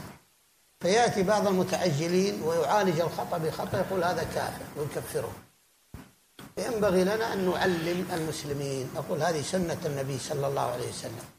فالمسلم إذا علم أنها من السنة لا يمكن أن يبغضها. لكن كثير منهم يجهل أن هذه من السنة نعم Pertanyaannya adalah, apakah membenci sunnah itu uh, menjadi pembatal dari keislaman seseorang atau mengeluarkan seseorang dari Islam? Maka Syekh mengatakan, ya ada ijma kesepakatan para ulama bahwa barang siapa yang membenci sunnah Nabi Shallallahu Alaihi Wasallam maka dia keluar dari agama Islam. Akan tetapi yang perlu diperhatikan adalah bahwa sebagian orang dia membenci sebuah sunnah, tapi kondisinya dia nggak tahu bahwa itu adalah sunnah. Dia tidak meyakini bahwa ini adalah sunnah, sehingga orang yang seperti ini dia membenci hal tersebut atas dasar ketidaktahuannya. Sehingga orang yang seperti ini perlu diajarkan bukan dikafirkan. Orang seperti ini perlu diajarkan. Contohnya adalah seperti sebagian orang pada saat melihat orang yang berjanggut misalnya, dia mengatakan saya nggak suka, saya membenci janggut. Kenapa membencinya? Karena janggut itu kotor. Orang yang punya janggut itu nggak bersih. Ya maka orang yang seperti ini dia adalah orang yang nggak tahu. Ya dia nggak tahu bahwa ini adalah sunnah. Sehingga harus dijelaskan kepadanya bahwa ini adalah sunnah. Maka Sebagian orang, ya kata Syekh, dia terlalu tergesa-gesa untuk menghukumi orang lain. Ya pada saat ada orang misalnya yang membenci sunnah atau mengejek sunnah, kemudian serta-merta dia mengkafirkan orang tersebut. Maka ini juga sebuah kesalahan kata Syekh. Ya tidak boleh kemudian kita serta-merta mengkafirkan orang tersebut. Akan tapi kalau kita lihat kondisinya, karena betapa banyak orang yang membenci sunnah atas dasar ketidaktahuannya. Dia nggak punya ilmu tentang hal tersebut. Seperti itu. Ada lagi yang mau bertanya? Nah, syukron Syekh. Barakallahu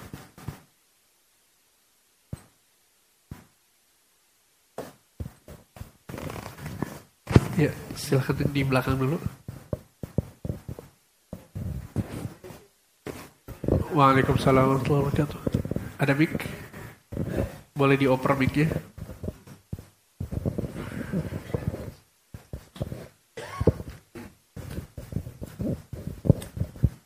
Assalamualaikum warahmatullahi wabarakatuh. Ini banyak kejadian seperti apa orang menyelarkan maulid, terus empat hari, tujuh hari, empat puluh hari, ya dia tidak tahu. Dia hanya mengerjakan tuh amalnya tertolak apa nambah dosa, apa menambah dosa. Oh buat jadi tambah dosa. Apa dia cuma tertolak aja percuma dikerjakan. Itu aja pertanyaan. Terima kasih. مثل المولد والمآتم يعني إذا مات شخص ثم آه، يذكرون الله ويقرؤون له القرآن في اليوم الثالث واليوم العاشر واليوم الأربع الأربعين. هذا ما انتشر في البلد. يعني هل هذه الأعمال فقط مجرد أنه يرد أو أنه يأثم بهذا؟ إضافة إلى الرد. يسأل الأخ يقول أنه بعض الناس يعمل المولد للنبي صلى الله عليه وسلم. وبعض الناس يقول إذا مات الميت يقرأ القرآن له في اليوم الأول أو الثاني أو الأربعين. يقول هل هذه أشياء مردودة أم مقبولة؟ وهل يأثم الإنسان عليها؟ نقول هذه كلها مردودة كلها محدثة. لأن النبي صلى الله عليه وسلم ما أرشد الأمة أن تعمل له مولدا. ولا فعله أبو بكر ولا عمر ولا عثمان ولا علي ولا أحد من الخلفاء الراشدين. بل ما فعله أبو أبو حنيفة ولا مالك ولا الشافعي ولا أحمد. موالد هذه أحدثها أهل البدع في القرن الرابع ولم تكن معروفة للأمة من قبل. فهذه كلها بدع موالد كلها بدع. مولد النبي صلى الله عليه وسلم مولد فاطمة مولد علي مولد الحسين مولد الحسن كلها بدع محدثة. حتى لو إنسان صنع مولد لأبي بكر أو عمر أو عثمان كل هذه بدع محدثة. قراءة القرآن للميت اليوم الأول أو الثاني أو الرابع قل ما شئت كلها من البدع المحدثة. هل يأثم؟ نعم إن كان عالما أن هذه من البدع وفعلها فهو آثم. وإن كان جاهلا فإنه لا يؤجر عليها ونسأل الله أن يعفو عن جهله لأنه جاهل. لكن إن علم أنها من البدع وفعلها فهو آثم وعمله مردود. ما هو المشروع عند موت الميت؟ أن يستغفر له عند دفنه كما قال النبي صلى الله عليه وسلم استغفروا لأخيكم فإنه الآن يسأل. وقال النبي صلى الله عليه وسلم إذا مات الميت انقطع عمله إلا من ثلاث من صدقة جارية أو ولد صالح يدعو له علم ينتفع به. الذي ينفع الأموات هو أن ندعو لهم وأن نتصدق عنهم وأن نحج ونعتمر عنهم. هذا هو الذي ينفعهم. أما قراءة القرآن وإهداءها للميت فهذه من البدع المحدثة. لا تنفع الميت وهي ضياع للأوقات. نعم. طيب. Ya di sini ada yang bertanya tentang jika ada seseorang yang melakukan uh, merayakan ikut serta dalam merayakan Maulid Nabi ya atau pada saat ada seseorang yang wafat kemudian dia membacakan Al-Qur'an di hari yang pertama, kedua, ketiga atau ke-40 atau yang lain sebagainya ya apakah diterima atau tidak kemudian apakah dia berdosa atau tidak maka ketahuilah kata Syekh bahwa ini semua akan tertolak ini semua akan tertolak. Kenapa demikian? Karena Nabi Shallallahu Alaihi Wasallam tidak pernah merayakan hari Maulid Nabi. Begitu juga dengan Al Khulafa Ar Rashidun, Abu Bakar, Umar, Uthman, Ali. Mereka semua tidak ada yang melakukan hal tersebut. Ya begitu juga Imam Abu Hanifah, Imam Malik, Imam Syafi'i, Imam Ahmad rahimahumullahu jami'an. Mereka semua tidak ada yang merayakan hari Maulid Nabi. Ya, Maulid Nabi adalah ritual yang dilakukan oleh ahlul bidah di akhir-akhir ya di akhir-akhir setelah generasi para uh, generasi nabi para sahabat dan para imam yang keempat ya sehingga termasuk dari bid'ah adalah maulid nabi merayakan hari kelahiran nabi SAW begitu juga kelahiran Ali bin Abi Thalib begitu juga kelahiran Fatimah kelahiran Al Hasan dan Al Husain ya itu semua termasuk dalam kategori bid'ah. Ya hatta walaupun pada saat seseorang itu mau merayakan kelahirannya Abu Bakar dan Umar misalnya itu juga masuk dalam kategori kategori bid'ah. Begitu juga dengan membaca Al-Qur'an ya untuk mayit di hari-hari tertentu maka ini bukan hanya tertolak ya maka e, maulid dan juga e, perbuatan ini membaca Al-Qur'an untuk mayit ini semua bukan hanya tertolak dan dia bisa menjadi dosa pada saat seseorang itu mengetahui bahwa ini bid'ah ya akan tapi dia tetap melakukannya maka ini tentu ya orang tersebut akan berdosa. Akan tapi kalau dia tidak mengetahui hukumnya, jadi dia hanya ikut-ikutan saja, dia ikut serta tapi dia nggak tahu hukumnya, maka yang seperti ini semoga diampuni oleh Allah Subhanahu wa taala karena uh, dia tidak tahu, ya kondisinya dia tidak tahu. Maka orang yang seperti ini seharusnya di, diajarkan.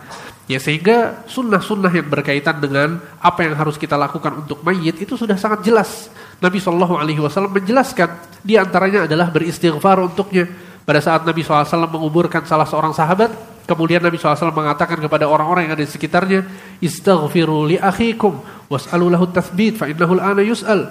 Beristighfarlah untuk saudara kalian ini yang baru saja dikuburkan dan berdoalah kepada Allah agar dia diberikan ketetapan, kekokohan untuk menjawab pertanyaan-pertanyaan kubur. Sesungguhnya sekarang sedang dia sedang dia sedang ditanya oleh malaikat. Lihat ini adalah anjuran Nabi. Disunnahkan untuk beristighfar kepada orang yang sudah wafat. Kemudian juga dalam hadis lain, Nabi SAW mengatakan, "Idza mata ibnu Adam amaluhu illa min thalath." Jika salah seorang anak Adam itu wafat, maka tidak seluruh amalnya terputus kecuali tiga. Sadaqatun jariyah, sedekah yang terus mengalir manfaatnya, atau ilmu yang bermanfaat dan yang ketiga adalah waladun salihun yad'u lahu, anak soleh yang senantiasa berdoa untuk orang yang sudah wafat tersebut sehingga perkaranya sudah jelas apa yang dianjurkan oleh Nabi SAW dan apa yang tidak dianjurkan oleh Nabi SAW sehingga melakukan hal-hal yang tadi ditanyakan yaitu bukan hanya tidak bermanfaat tapi itu juga membuang-buang waktu kita.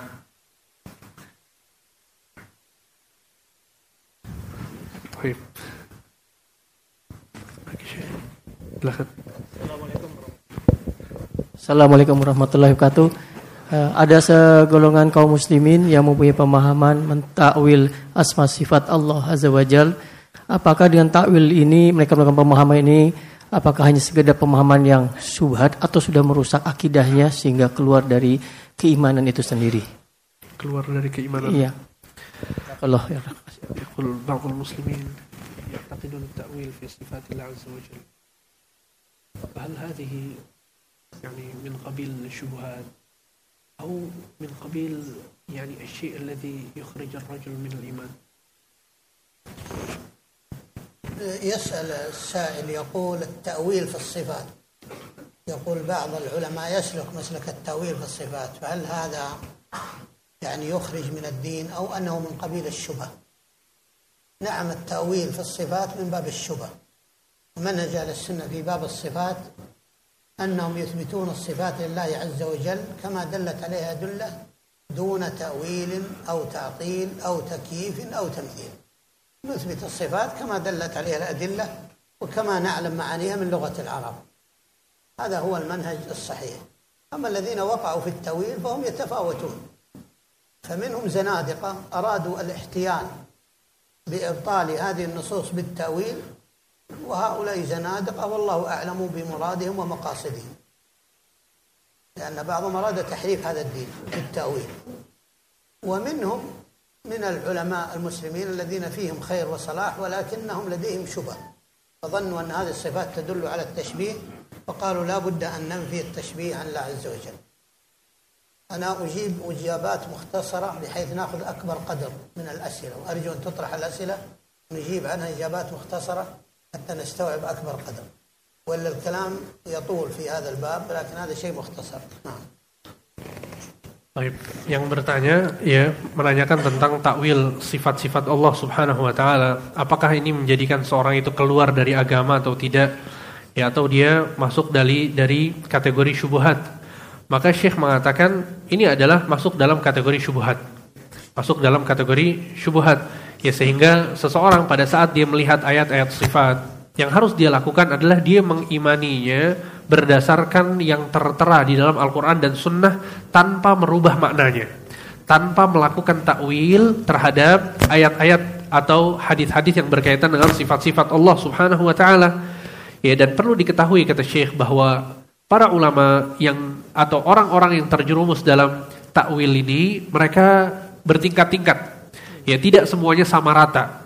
Sebagian dari mereka adalah az-zanadiqah, yaitu orang-orang yang munafikun yang mereka um, ingin merubah agama pada saat menggunakan takwil sehingga Allah Subhanahu wa taala menjelaskan dalam ayat misalnya sesuatu kemudian dia merubah ya kandungan dari ayat tersebut ya akan tapi ada juga orang-orang dari kalangan ulama kaum muslimin yang terkenal dengan kebaikan terkenal dengan um, ilmunya yang sangat luas akan tapi kemudian mereka terjerumus dalam takwil ini ya dengan dalil bahwa mereka ingin um, nafyut tashbih yaitu ingin um, menjelaskan bahwa Allah Subhanahu wa taala itu tidak serupa dengan makhluknya. Sehingga mereka kemudian um, melakukan takwil itu sendiri pada ayat-ayat sifat. Ya dan Syekh mengatakan bahwa pembahasan tentang hal ini akan sangat panjang sekali. Akan tapi saya berusaha untuk um, um, meringkas jawaban-jawaban agar kemudian pertanyaan-pertanyaan yang lain bisa terjawab. Seperti itu.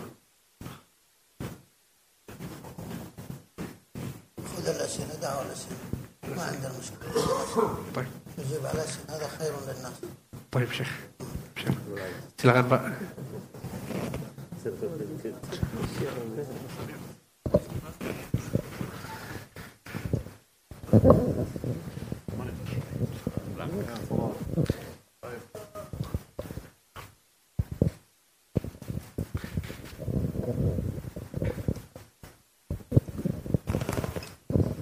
Assalamualaikum warahmatullahi wabarakatuh.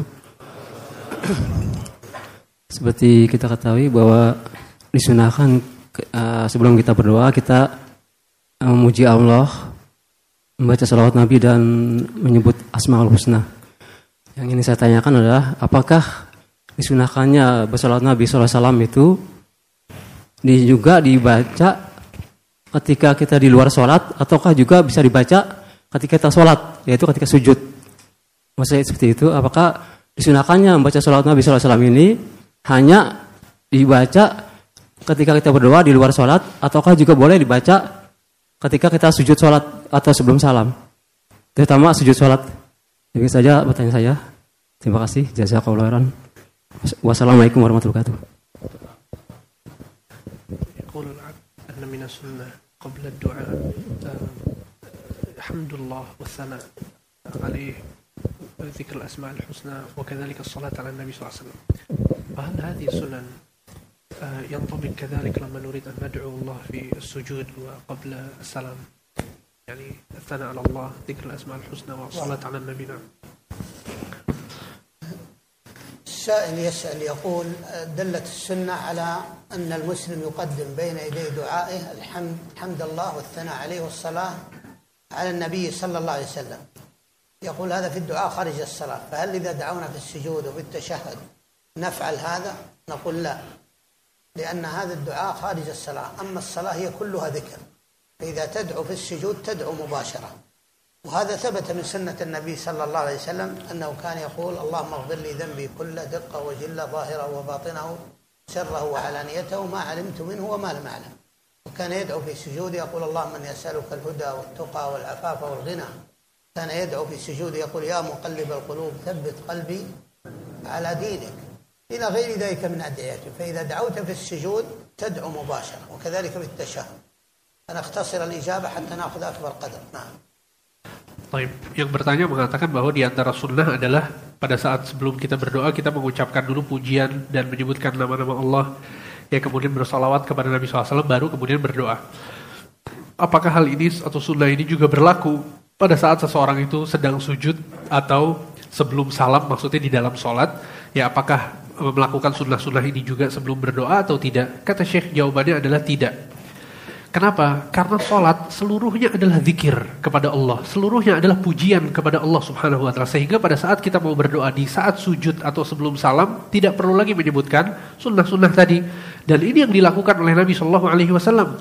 Pada saat Nabi SAW sujud, Nabi SAW berdoa, Allahumma gfir li dhambi kullah, diqqahu wa jullah, wa sirrahu wa alaniyatah, ma'alimtu minhu wa malam a'lam. Ya Allah, ampuni dosa-dosaku. Seluruhnya yang kecil, yang besar, yang terlihat, yang tidak terlihat, yang aku ketahui atau yang tidak aku ketahui. Ini adalah redaksi doa yang Nabi SAW ucapkan pada saat sujud. Dan Nabi SAW tidak menyebutkan hal-hal yang tadi ditanyakan. Kemudian Nabi juga berdoa dengan mengatakan Allahumma inni as'alukal huda wat tuqa wal afafa wal ghina. Kemudian Nabi SAW juga mengucapkan Allahumma ya muqallibal qulub tsabbit qalbi ala dinik. Itu adalah doa-doa yang diucapkan oleh Nabi SAW pada saat sujud atau sebelum salam dan tidak ditambahkan dengan sunnah-sunnah yang tadi ditanyakan.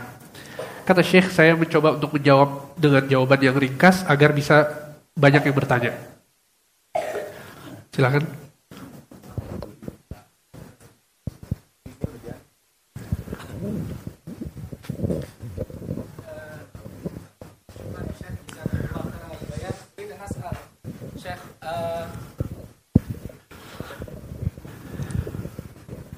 فما رأيكم يا شيخ عن قول عمر في صلاة التراويح أن نعم البدعة هذه وفي إندونيسيا يعني بعض الناس يقولون أن هناك بدعتان بدعة مذمومة أو بدعة محمودة هل هذا يصح شكرا وجزاكم الله خير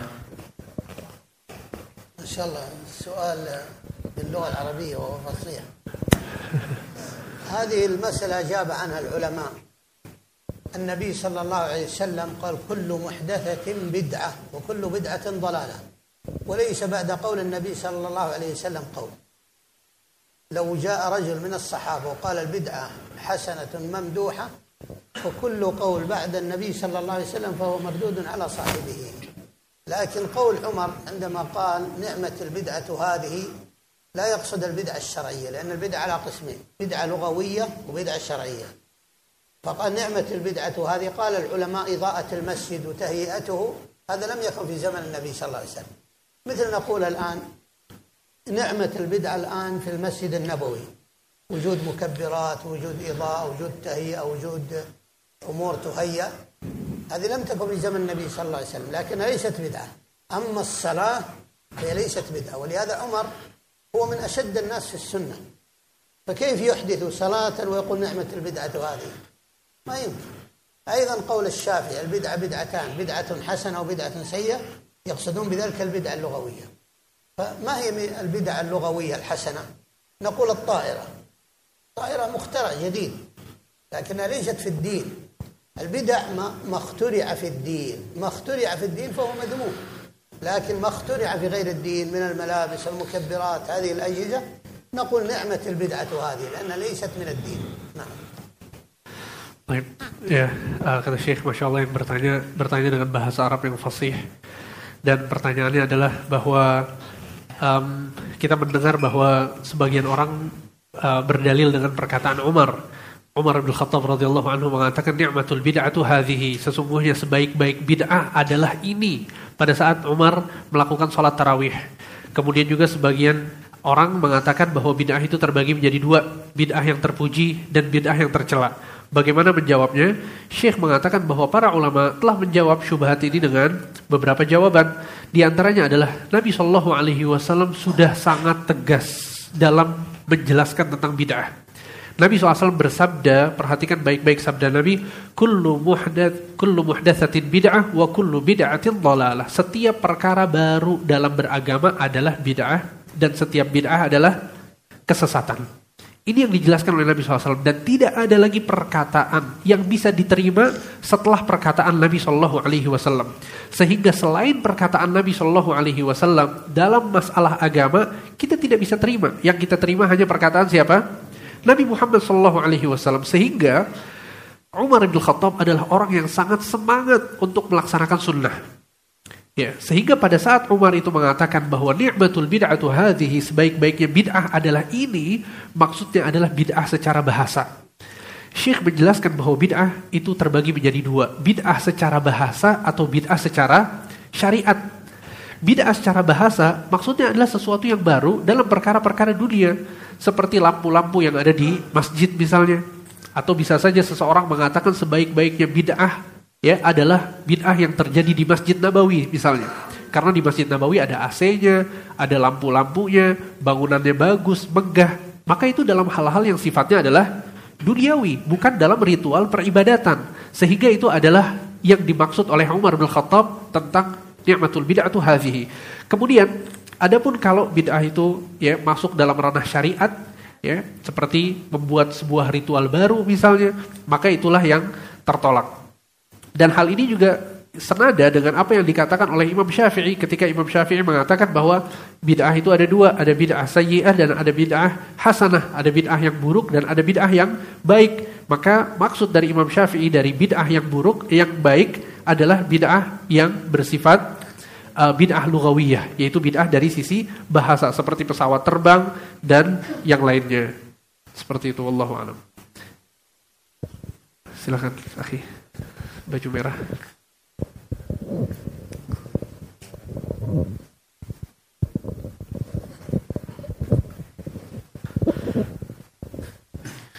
Bismillah, Assalamualaikum warahmatullahi wabarakatuh.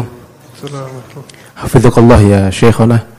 Uh, ana langsung saja ke pertanyaan. Uh, pertanyaan Ana, bagaimana menyikapi sebagian tulab yang sudah mengetahui tentang bid'ah dalam segi syariat, uh, kemudian mereka tetap apa namanya melakukan uh, pembelaan seba, uh, terhadap apa amalan-amalan yang dilakukan oleh sebagian kaum muslimin ya yang tidak ada contohnya. Itu yang pertama. Kemudian yang kedua uh, mohon nasihatnya Syekh uh, tentang kami uh, ada isu bahwa orang yang istiqomah di atas sunnah yaitu mereka adalah radikalisme. Bagaimana uh, nasihat Syekh kepada kami uh, yang insya Allah istiqomah di atas sunnah ini. Jazakumullah khair. Untuk soal soal awal, بعض طلاب العلم ينافحون عن بعض الأعمال البدعية المنتشرة في في المجتمع يعني يدافعون عن هذه الأعمال البدعية مع أنهم طلاب العلم هذا أولا والسؤال الثاني ما نصيحتك ما انتشر بين الناس أن المتبع للسنة هو المتشدد. الأخ له سؤالان. السؤال الأول يقول أن بعض طلاب العلم يدافعون عن البدع المنتشرة في المجتمع. والسؤال الثاني ما هو؟ آه يعني الرمي بالتشدد لمتبع نعم. للسنة. يقال أن المتبع للسنة يرمى بالتشدد. الأمر الأول يقول أن بعض طلاب العلم ينافحون عن البدع. هذا غير متصور. إما أن يكون الخطأ في وصفهم بطلاب علم أو الخطأ أنهم يدافعون عن البدع. أما طالب علم يدافع عن البدع هذا لا يوجد ولا يتصور. فهذا إما جاهل يظن أنه طالب علم وإما أنه يدافع عن الحق الذي يظن الناس أنه بدعة فهمتم؟ لو تصورنا أن وجود طالب علم يدافع عن البدع فقوله مردود والاتباع هو للسنة. لا يجوز لأحد أن يدافع عن البدع. الإمام مالك قال كل يؤخذ من قوله ويرد إلا صاحب هذا القبر عليه الصلاة والسلام. وكل من دعا إلى بدعة فقوله مردود وسنة النبي صلى الله عليه وسلم مقدمة. بعض من يرمي طلاب العلم المتمسكين بالسنة بالتشدد هذا لجهلهم. السنة ليس فيها تشدد وهذا الدين ليس فيه تشدد.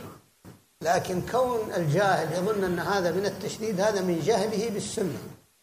ولا دين الله عز وجل ليس فيه تشديد. الله عز وجل يقول يريد الله بكم اليسر ولا يريد بكم العسر. الله ما أراد بنا العسر. والنبي صلى الله عليه وسلم يقول بعثت بالحنيفية السمحة ويقول لن يشاد هذا الدين أحد إلا غلبه. بحمد الله دين ليس فيه تشديد. ولكن بعض الجهلة يظن أن هذا تشديد. الآن بعض الكسالى يظن أن من التشديد أن تصلي الصلوات الخمس في المسجد. ويظن من التشديد أن تصوم رمضان. ويظن من التشديد أن تقصر ثيابك. ويظن من التشديد أن لا تتكلم بالكلام البذيء أين التشديد في هذا فهذا من جهل الناس علينا أن ننصح هؤلاء ونبين لهم نحن نقول ديننا ليس فيه تشديد بل هو سهل سمح بحمد الله ولكن بعض الجهل يظن هذا نعم طيب Ya, jadi yang bertanya ada dua pertanyaan. Yang pertama, sebagian tulabul ilm membela amalan-amalan bidah. Kata Syekh, ini adalah satu perkara yang tidak masuk akal, yang tidak bisa dibayangkan. Bagaimana mungkin seorang talibul ilm, seorang penuntut ilmu, tapi dia malah membela sebuah bid'ah. Ya maka entah kita salah mensifati orang tersebut, ya padahal dia bukanlah seorang talibul ilm, tapi kita menyifatinya dengan talibul ilm atau dia benar-benar talibul ilm tapi kesalahannya adalah dalam menilai amalan bid'ah tersebut padahal itu adalah sunnah paham ya jadi uh, tidak mungkin dia seorang talibul ilm yang benar yang di atas kebenaran. Nggak mungkin dia kemudian membela amalan-amalan bid'ah. Ya dan kalaupun kata syekh ternyata talibul ilm tadi penuntut ilmu tadi ya ternyata dia membela sebuah bid'ah maka ketahuilah bahwa seluruh perkataan manusia itu bisa diambil dan bisa ditolak. Kecuali perkataan siapa? Rasulullah Shallallahu Alaihi Wasallam Imam Malik mengatakan kullun yukhadu min qawlihi wa yurad. Sesungguhnya setiap manusia perkataannya bisa kita terima dan bisa juga kita tolak. Kecuali siapa?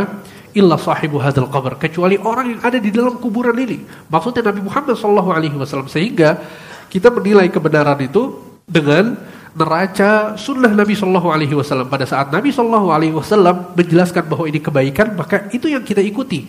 Ya bukan kata orang lain selain Nabi Shallallahu Alaihi Wasallam itu untuk yang uh, jawaban untuk pertanyaan pertama kemudian pertanyaan kedua adalah sebagian orang mengatakan bahwa orang yang mengikuti sunnah istiqomah di atas sunnah dia berarti orang yang radikal ya orang yang keras dalam beragama maka Syekh mengatakan bahwa di dalam sunnah tidak ada yang namanya radikal. Di dalam Islam itu tidak ada yang namanya radikal. Orang-orang yang menuduh kaum muslimin atau orang yang berjalan di atas sunnah dengan radikal, maka biasanya adalah orang-orang yang tidak mengetahui tentang hakikat sunnah dan hakikat Islam.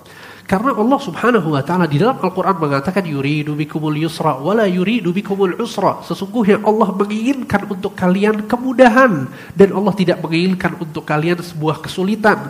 Kemudian Nabi SAW juga mengatakan bu'ithu bil hanifiyyati samhah. Sesungguhnya aku diutus oleh Allah dengan membawa agama yang lurus yang um, uh, samhah yang um, yang lemah lembut, yang baik Ya, itu kata Nabi SAW tentang agama Islam.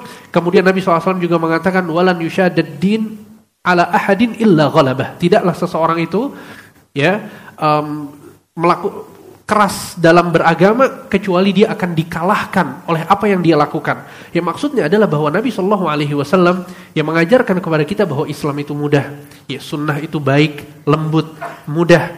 Ya dan kata Syekh kemudian sebagian orang-orang yang malas dia akan mengatakan bahwa sholat lima waktu itu adalah perkara yang sangat sulit. Jadi bisa jadi orang yang melakukan sholat lima waktu dibilang radikal. Atau orang yang lagi puasa bisa saja dibilang radikal. Atau orang yang tidak isbal misalnya dia dikatakan uh, uh, radikal. Ya sehingga maksudnya adalah bahwa tuduhan-tuduhan ini biasanya terlontar dari orang-orang yang tidak mengetahui tentang uh, hakikat dari Islam itu sendiri. Oleh karena itu kata Syekh kewajiban kita adalah menjelaskan kepada masyarakat tentang hakikat Islam yang sebenarnya agar mereka tahu bahwa Islam dan sunnah ternyata bukanlah radikal.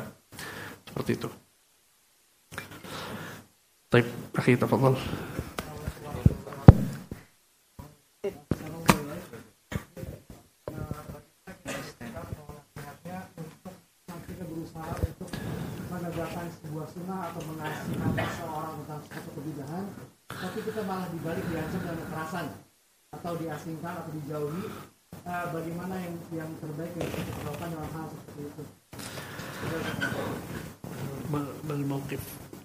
نرجو نصيحتكم يقول ما الموقف إذا أردنا أن ننكر بدعة مثلا لشخص ثم هددنا ب يعني بالعنف هددنا بالعنف يعني إما بالضرب مثلا أو غيره يعني ما الموقف الصحيح؟ يقول السائل ما هو الموقف الصحيح ممن إذا أنكرنا عليه فعل البدعة؟ اشتد علينا وهددنا وقد يعتدي علينا. نقول أولا أنكر بلطف.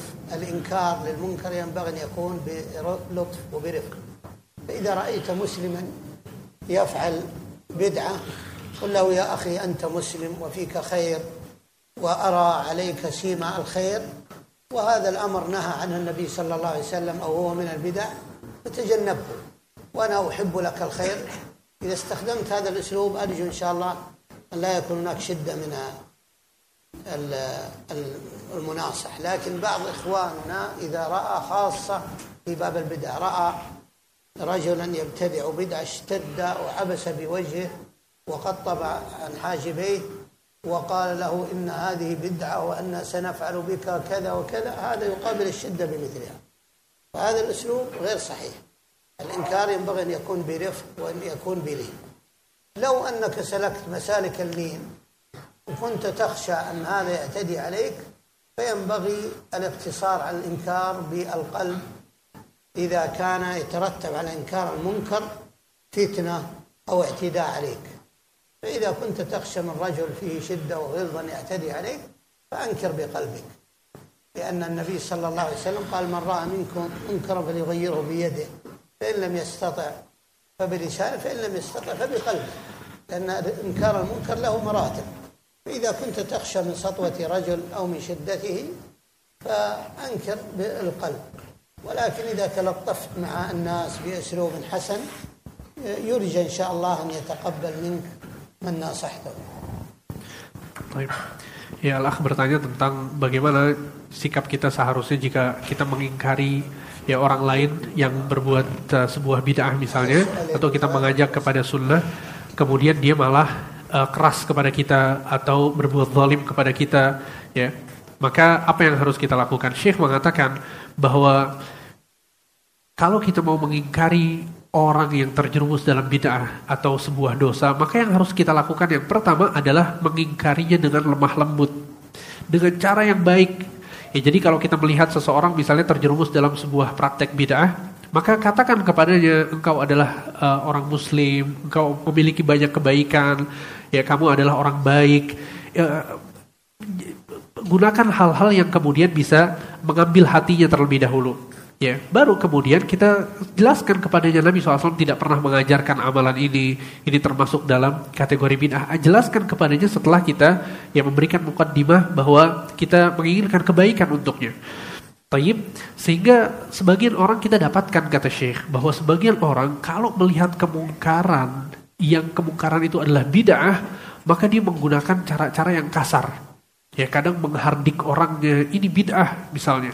Ya, atau uh, dengan kata-kata yang lain, intinya adalah dia tidak menggunakan kata-kata yang lembut, cara yang baik ya. Sehingga akhirnya jika seperti ini yang dilakukan, maka kita tidak kaget ya pada saat orang yang diingkari itu malah balik melawan kepada orang yang mengingkari.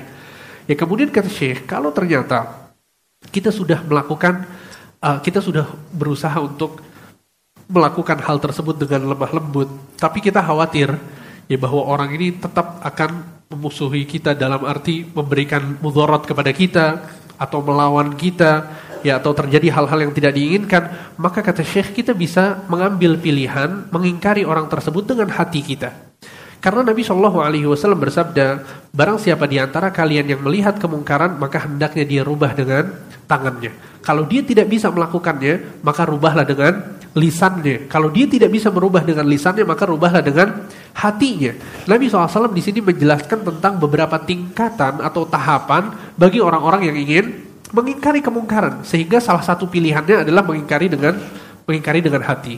Kemudian nasihat terakhir kata Syekh, jika kita berusaha untuk menggunakan cara yang lembut, yang baik, biasanya cara ini akan ampuh untuk mengingkari kemungkaran tersebut. Soal terakhir si Bapak dari tadi. Silakan Pak. Assalamualaikum warahmatullahi wabarakatuh.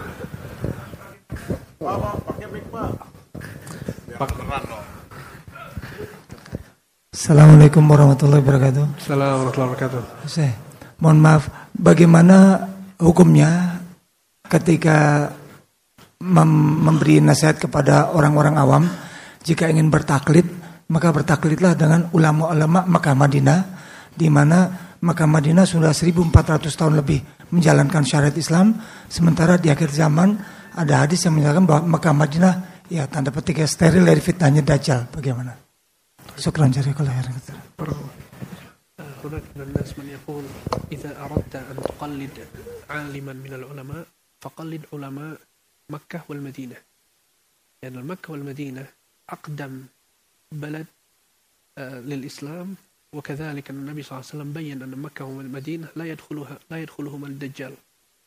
ولذلك نقلد علماء من مكة والمدينة. يقول السائل يقول هناك من يقول إذا أردت أن تقلد عالما فقلد علماء مكة والمدينة لأن مكة والمدينة لا يدخلهما الدجال. الجواب الله عز وجل يقول فاسألوا أهل الذكر إن كنتم لا تعلمون. قال اسألوا أهل الذكر من مكة والمدينة أو من مصر أو من الشام. ما عين الله لنا بلدا. نسأل علماء. والعلماء يوجدون في مكة والمدينة وفي هذا البلد وفي غيره لكن الضابط الصحيح للعلماء الذين يسألون من هم؟ هم علماء أهل السنة. العلماء الضابطون الذين على السنة اسألهم في السعودية وفي غيره لأنه ليس كل من في مكة والمدينة على السنة. وكون الدجال لا يدخل مكة والمدينة لا يعني أنهما أهل المدينة ومكة معصومون. فعلى كل حال أنتم اتبعوا ما أمركم الله به. فاسألوا أهل الذكر. أهل الذكر هم العلماء بالكتاب والسنة.